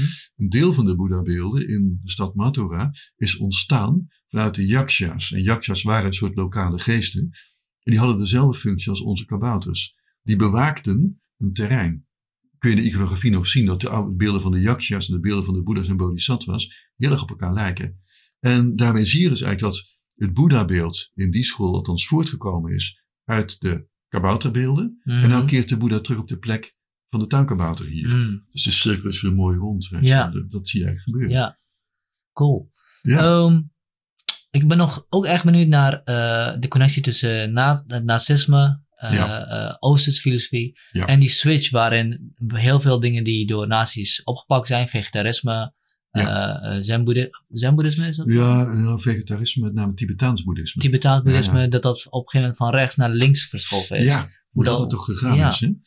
Eh, dat is nog niet zo heel simpel. Maar kijk, dat, dat nazisme eh, was natuurlijk heel erg bezig met bloed en bodem. Mhm, je, moest, je moest puur zijn. Je, je moest ook eten waar je vandaan kwam. mhm. Eh, je, je was een, Lokaal eten. dus. Lokaal eten. Je was een zoon of dochter van lokale bodem. Mhm, Het gekke was alleen dat het voor de Joden niet gold. Mhm. Die konden generaties lang in Duitsland wonen, maar dat telde het niet voor. Want die waren fundamenteel niet in orde. Dus daar, klopt, daar klopt geen hout van, van die ideologie. Ja. Bovendien blijkt er ook helemaal geen nazi-genen te bestaan. Zo dat pure Arische gedoe. Dat, dat, dat was ideologie. Maar de oude theosofie en meer esoterische richtingen hadden wel rassentheorieën. Wij hadden rassentheorieën over zoveelste wortelras, zoveel Atlantische ras. Eh Blavatsky had hele rassentheorieën. Over iemand als Frederik van Ede, de arts Frederik van Ede, die had dat ook. Die hing ook bepaalde rassentheorieën aan. Eh, dat was natuurlijk voor de Tweede Wereldoorlog. Het is ernstig als je het na de Tweede Wereldoorlog nog, nog doet. Nou, Mm. voor de Tweede Wereldoorlog ook al. Maar ik geloof ook nooit dat Blavatsky de bedoeling had dat die mensen ook vermoord zouden worden. Mm. Dat was heel wat anders. Maar eh, ja, op, om de een of andere reden was toen de tijd een zuiver milieu, zuivere genen, zuiverheid. Hè, eh, dat zat heel erg in de rechtse natiehoek. Mhm. Maar ja, nazisme werd in die tijd ook door sommige mensen beschouwd als het hebben van goede smaak. Daar kun je je nou niets meer bij voorstellen. Het hebben van goede Ja, smaak. ja, goede smaak werd met nazisme verbonden. Er waren heel wat mensen die dat heel spiritueel vonden, Mhm. nazisme. Zelfs na de Tweede Wereldoorlog had je een Franse vrouw, ze noemde zich Sabitri Devi. Eh, zij is naar India gegaan, in India getrouwd. En heeft zelfs, hoe noemt ze het ook weer, eh, esoterisch nazisme ontwikkeld. Na de Tweede Wereldoorlog. Hè? En beschouwde Hitler als de negende incarnatie van de god Vishnu. Ja, het is wat hoor. Maxime Portias heette ze van oorsprong, zoiets. Mhm. Het is er allemaal, doet zich allemaal voor. Ja. Maar het zat dus heel erg in die rechtse hoek. Je moest eh, zuiver zijn van genen. Eh, je moest zuiver zijn van voedsel. Dus er moest een zekere ehm, harmonie zijn tussen jou en jouw omgeving. Hmm. En die harmonie zat toen heel erg in rechtse hoek. Terwijl de linkse hoek veel meer bezig was met de heffing van de arbeider. De zware industrie, et cetera. En eh, na verloop van tijd is die greening veel meer de kant op gegaan van de linkse politiek. Die is veel meer in die hoek gekomen. Terwijl als je kijkt naar eh, communistische partijen, het communisme begin 20e eeuw, ja, dat was niet erg bezig met milieu, et cetera. Het was bezig met menselijke ellende. Ja. En misschien dat het dat ook met, met de toename van de welvaart te maken heeft, want milieubeleid, laten we reëel zijn, is heel duidelijk iets waar mensen zich pas druk over gaan maken als de welvaart toeneemt. Dat is Ja. erg genoeg, maar het is wel zo. Ja. Nou, als de welvaart toeneemt, dan zie je dat die, die, ja, die verheffing van de Nou arbeid, ja, het, is ook, het, is ook, het, het probleem is ook gegroeid door de groei van welvaart. door de groei van welvaart. Ja. ja. en die groei van welvaart zit tegenwoordig met name, ja, wie, wie, veroorzaken die welvaart? Dat, dat zijn met name de hele grote industriëlen, et cetera. Die hebben die welvaart met zich meegebracht. Maar intussen het milieu is er helemaal aangegaan. Ja. Maar nu zit dat veel meer in die linkse hoek. zei dat je nu ook alweer een soort terugkrijgt krijgt van dat iedereen erover eh, begint. Maar het is ook een beetje een hype op het moment, want het was in feite al decennia zo natuurlijk. Eh, Club van Rome is lang geleden. Mhm. Het was al, al, al tijden bekend. Jongens, dit kan zo niet. Ja, we we gaan gewoon door. Het is allemaal niet waar. Nou, je ziet wat er van komt. Maar een hele rare verschuiving. Ehm gekke, gekke dingen zijn natuurlijk gebeurd eh, eh, onder de nazi's. De nazi's zijn, zijn ook naar Tibet geweest. Om daar de oude nazi-schatten te vinden. De oude nazi's ja, schatten. ja, ja, Eh, ja. Komt dat terug? Is, is dat hetzelfde als die krachtplekken binnen Theosofie? Ja. Of? Ja, vergelijkbaar. Eh, de Indiana Jones films. Hmm. Die gaan op echte dingen terug. Indiana Jones gaat terug Vandaar dat er altijd de ba- bad guys nazi's zijn. nazi's. Ah, Want die kwam, die kwam je daar inderdaad tegen. Ja. Ehm, Heinrich Harre hè, van eh, Seven Years in Tibet. Zeven jaar in Tibet. Ja. Later verfilmd met Brad Pitt in de hoofdrol. Ja. Nou, die was zogenaamd in Nepal om de berg Nanga Parbat te beklimmen. Ja. Maar dat was niet waar. Hij was daar om nazieschatten te onderzoeken. Hmm. Om te kijken of er geen nazieschatten in Tibet waren. En, en wat zijn nazi's De? Holy Grail. Die Ja. natuurlijk eigenlijk bij Europa zou, die zou in Tibet zijn beland. Eh, de Ark des Verbonds. Want die was dan weliswaar oorspronkelijk bij het Joodse volk beland. Maar die was eigenlijk van de nazi's. Daar waar de Joden hem kwijtgeraakt. Of nee, van de, niet van de nazi's, van de Indo-Europeanen was het idee. De speer waar Christus in was doodgestoken. Ah ja? Eh, en ook een nazi-Boeddha. Er was een Boeddha-beeld wat, wat, wat daar zou Is zijn. dat dan zo'n nazi met zo'n snorretje? Nou, nog of net, Boeddha nog- met ja, zo'n... zoiets. Zo'n vet had wel een swastika op de borst. Dat dan weer een linksdraaiende swastika is de andere kant van de nazi's. Maar goed, eh, het beeld is ook gevonden. Het is waarschijnlijk nep, gemaakt van een meteoriet. Eh, het ziet er een beetje Tibetaans-boeddhistisch uit, maar toch ook niet echt. Maar men was daar echt mee bezig. En het idee was ook, dat was het idee van de theosofen, dat de Mahatma's, dus die grote hoge zielen waar Blavatsky contact mee had, die hadden blauwe ogen en blond haar. Dus eh de rassenmerkmalen, hè? die Mhm. zaten daar. En ehm, die Mahatma's werden met rust gelaten door de Tibetanen. Want die waren primitief genoeg om die mensen met rust te laten. Maar ook agressief genoeg om alle buitenstaanders buiten te houden. Hmm. En nazi's zijn zelfs met metingen bezig geweest. Om te kijken of Tibetanen niet bij nader inzien toch Ariërs waren. Hmm. Of die geen Arische formaten hadden. Viel tegen, hadden ze niet. Maar ja, er was het idee dat, er dus, dat daar dus dat geheime eh, genootschap zat in Shambhala. Het Thule-genootschap heeft ook bestaan. Thule-gemeinschaft. Die dacht dat het in het noorden was. Je moest naar het noorden eh, kijken. En die eh Maar projecteerde... Noorden bedoel je Scandinavië? Ja, daar. En de Noordpool zelf, die projecteerde het ideale rijk in het noorden. Zodat ik over natie ga praten, begint mijn neus te kriebelen. Maar omdat het snoortje natuurlijk wat... eh, ja, zit er, nou, nou maar. Eh, maar die dacht dus dat, je in het, dat daar in het noorden, het Thule-genootschap, eh, die projecteerde op het noorden. En die ha- hadden dus de overtuiging dat de Mahatma's daar zaten. Onder het Hmm. Noordpoolijs, bij wijze van spreken. Die waren daarmee bezig. Geheime rijken, waar de geheime krachten, hè, de geheime krachtplekken zouden zijn, maar ook de grote schatten zouden zitten. En de, de, de hoge naties hadden daar contact mee naar eigen zeggen. Hmm. Dus wat dat betreft, ehm, er, er is een hele nazi-spiritualiteit. Het Hmm. klinkt heel wrang om het Ja, te zeggen, ja, ja. maar dat was er. En eh, ik ben er ook van overtuigd, had Hitler de oorlog gewonnen, we hadden een heel ander beeld van de geschiedenis gehad hoor. Het overwinnen en schrijven de geschiedenis. Geschiedenis is een bril die je opzet. Maar we hadden een heel ander beeld van de geschiedenis gehad. Andere kapsels hadden we ook gehad. Oh ja, zeker.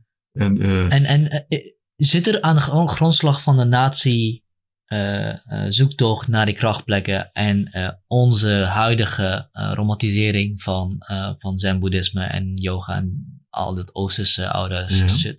zit, zit daar dezelfde fundamentele romantische illusie? ja, ik denk dat je die connectie best mag, mag maken. Romantiek, dat het vroeger beter was. Mhm. Dat er andere plekken zijn, het is andere plekken in tijd en in ruimte, waar het eigenlijk puurder en beter is.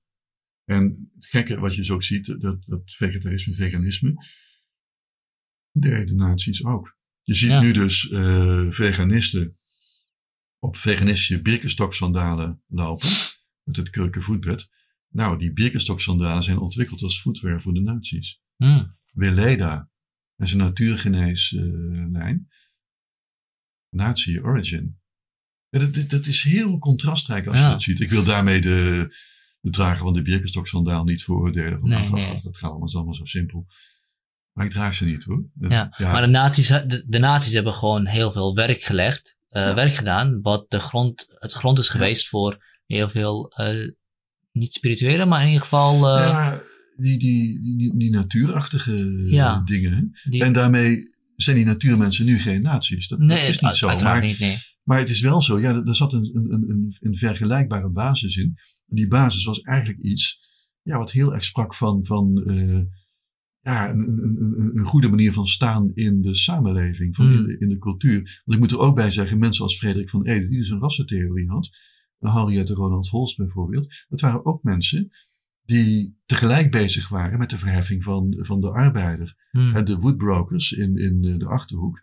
eh, dat is een centrum, eh, ja, nu, nu is dat veel minder bekend, maar daar werden vroeger eh, ja, arbeidersgezinnen naartoe gehaald. Eh, de kinderen werden bezig gehouden, mensen werden gestimuleerd met kunst bezig zijn, met schilderen, met muziek, et cetera. Dat werd gedaan voor de verheffing ja, van het proletariaat, Hmm. van, van de arbeider. Dus er zat ook een hele, ja, een hele ideële gedachte achter, terwijl tegelijkertijd Van Ede die rassentheorie had. Hmm. Maar de huisjes die daar staan, zijn gebouwd met de erfenis van Ronald Holst en zo. Dat is heel contrastrijk, hè? Hoe, dat- hoe dat allemaal toch door elkaar gelopen heeft Hmm. eh, in die tijd. Zou je zeggen dat eh nazi's zich heel goed zouden kunnen vinden in New Age spiritualiteit? Ik ben bang van wel. Ja. In bepaalde vormen daarvan wel, ja. Ja.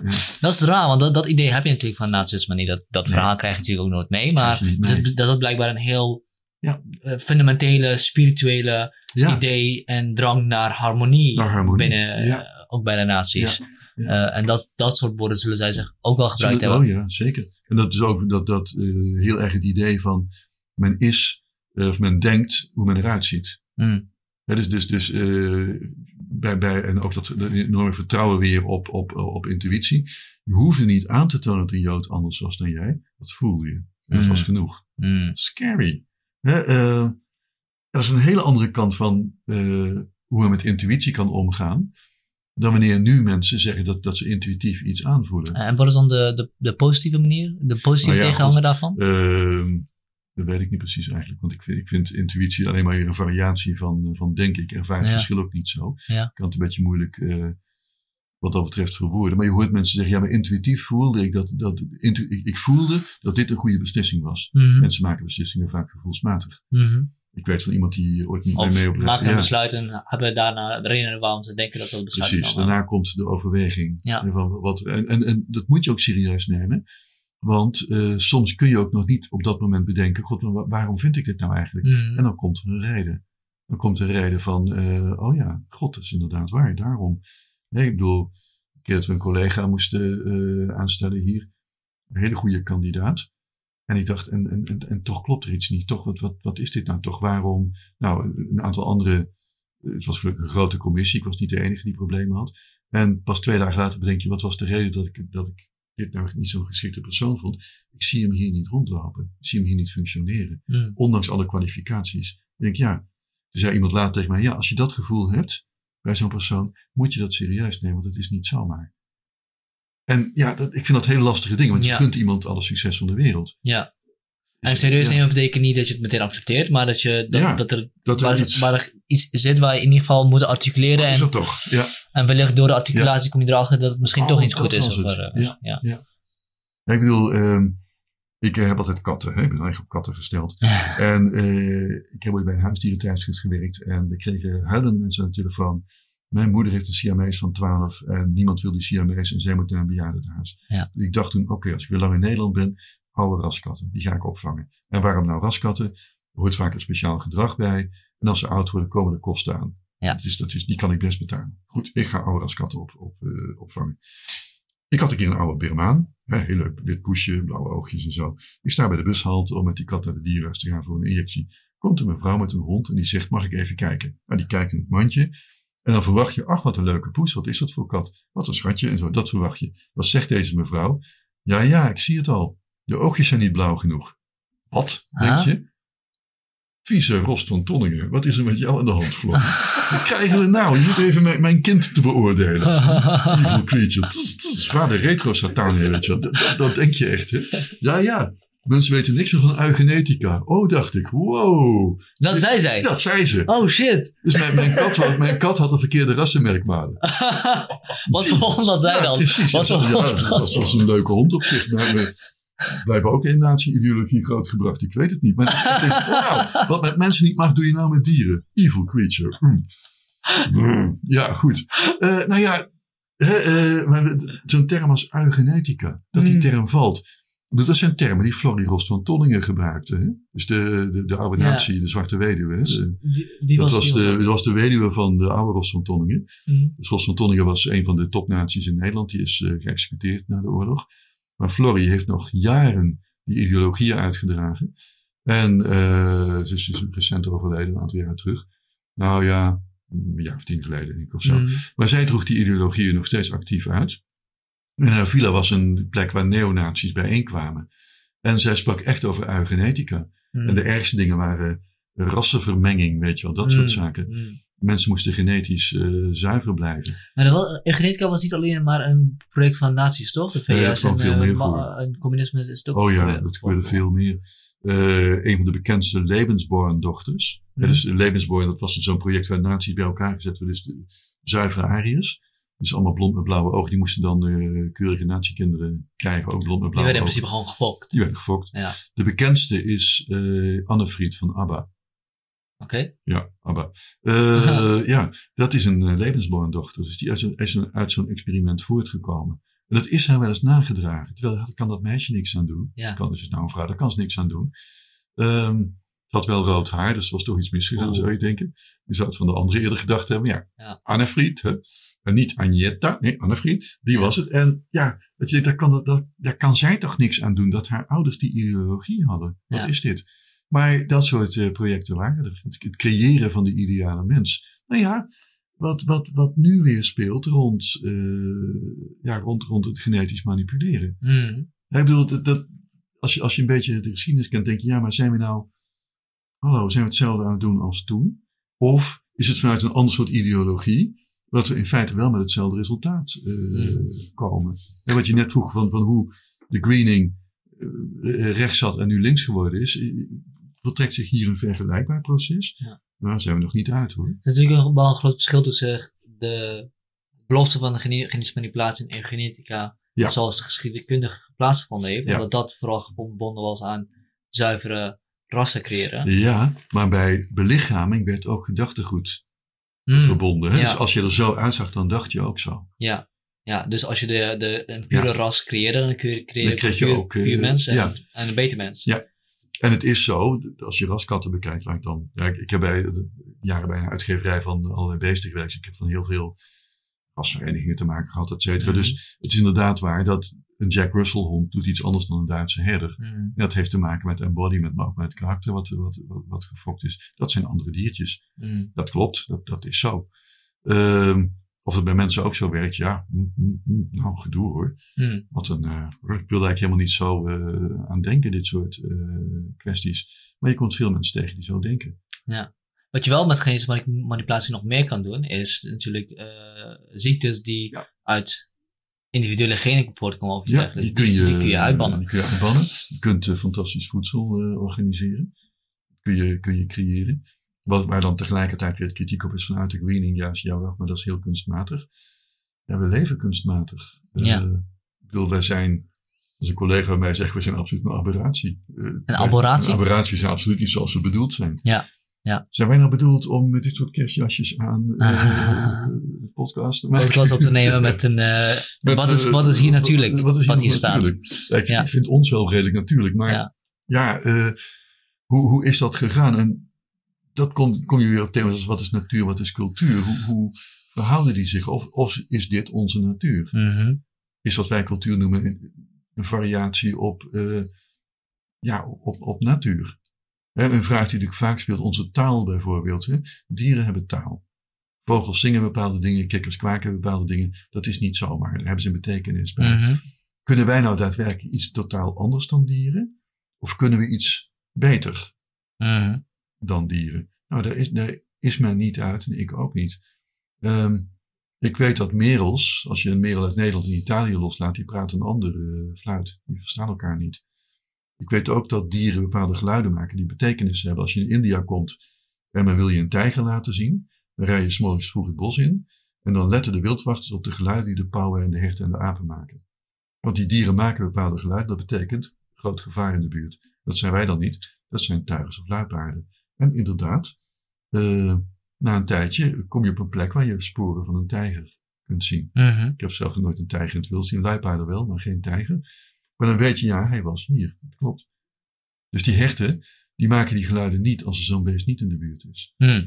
En wij kunnen natuurlijk gigantisch veel geluiden maken. Ook gigantisch veel soorten geluiden. Heel veel talen. We kunnen Mhm. van alles. We kunnen daar emoties mee overbrengen, intenties, al dat soort zaken meer. Maar is dat nou iets wat We we... kunnen ook echt een modellen van de werkelijkheid maken. Oh ja, we kunnen er gigantisch veel mee. Maar kunnen we nou iets gewoon oneindig veel beter? Mhm. Of kunnen we daadwerkelijk iets heel anders? Ja, de vraag is, is het een gradueel ver- verschil Ja. of een essentieel verschil? een verschil. Ja. En de vraag om nog scherp te stellen is, de taal die wij als mens hebben, is dat essentieel of gradueel? Ja. Dan heb je nog niet beantwoord, zijn we als mens Ja. essentieel of gradueel verschillend? ja. Dat, die kwesties, daar zijn we niet uit. Nee. Nee. daar mogen filosofen hun tijd aardig mee doorbrengen. En ja, dat doen ze volgens mij ook wel. Ja, doen ze wel. Ja, gelukkig wel. Ja. Afsluitende woorden? Ehm, ja, laat mensen toch doen eh, waar ze gelukkig door worden. Mhm. Laat ze wel goed onderzoeken wat geluk is. Mhm. Eh, accepteer ook dat eh, geluk niet is, iets is wat er altijd is. Mhm. Dat, het, eh, dat, dat je daaraan moet werken. Dat het ook wel eens uh, periodes lang heel slecht kan gaan. Doe de dingen die eh, andere wezens niet te veel schade toebrengen. En de justitie goed vindt. Mhm. En één ding, wat ik heb een tijd terug in een uh, radio-uitzending in België gezeten met uh, Tom Hannes, een hele slimme zenleraar. Als het gaat om wat er gebeurt binnen religieuze groeperingen. Uh, hè, betreft het misbruik, wat, wat, wat er de laatste tijd weer enorm uh, opspeelt. Tenminste, de aandacht daarvoor speelt nu op. Het was er altijd, maar het speelt nu op. Uh, die, die geven het advies aan mensen in groeperingen. Um, durf jij aan je beste vrienden te vertellen wat er binnen jouw groepering gebeurt? Mm. Durf je dat niet, dan klopt er iets niet. Mm. Dat vond ik een heel wijs advies, dus dat geef ik graag door. Durf jij tegen je beste vrienden, tegen je broers en zussen, tegen je ouders te vertellen wat er binnen jouw religieuze groepering gebeurt? Of ideologische of yoga, weet ik wat, wat ook allemaal, boeddhistische meditatie, wat er gebeurt. Wat de leraar met de leerlingen doet. Mm. Durf je dat aan anderen te vertellen? Zodra er dingen gaan vallen, ja, maar dat is geen misbruik als initiatie. Oh, dan gaan er bij mij wel een paar toeters en bellen af. Een vriendin van mij heeft bij een uh, boeddhistische groep gezeten. En die zegt dan vol overtuiging, ik weet niet of ik misbruikt ben. Dan denk ik, uh, een lichte aarzeling maakt zich van mijn gemoed meester. Mm. Als jij echt niet misbruikt bent, dan durf je dat zo te zeggen. Mm. Maar wat ze dan waarschijnlijk bedoelt is, ja, maar wat, wat, ik, wat een ander misbruik noemt, noem ik initiatie. Hmm. En dan is er iets heel raars aan de hand. Ja, dan Ja. denk ik toch lousy. Hè? Uh, hier is toch iets vreemds gaande. Ja. Wauw. Oké. Jason, heb jij nog wat uh, vragen? Oh, een Nee, vraag? nee. Nee, helemaal niet. Nee, Oh, niet. nee, echt Ook- mijn ogen geopend als het gaat om boeddhisme. Oké. ik wist er echt helemaal niks over eigenlijk. Ik alleen Ja. beeldjes en inderdaad, dat je ja. wel gegeven moet krijgen. Ja. Voor de rest eh, heel interessant. Oké. Paul, dan wil ik je bedanken. Ja, Het was echt gedaan. inderdaad uh, super informatief. ja ik Grappig ook. Ja. Ja. En Ja. uh, uh, ja, uh, super vet. Dankjewel. Oké, Ja. nou, prachtig. Top. Ja. Dan zijn we bezig geweest. Eh, twee uur en zes minuten. Zo. Oh, nog iets weer. Ongeveer uh, twee uur gezeten. Ja. Ja, twee uur is echt wel.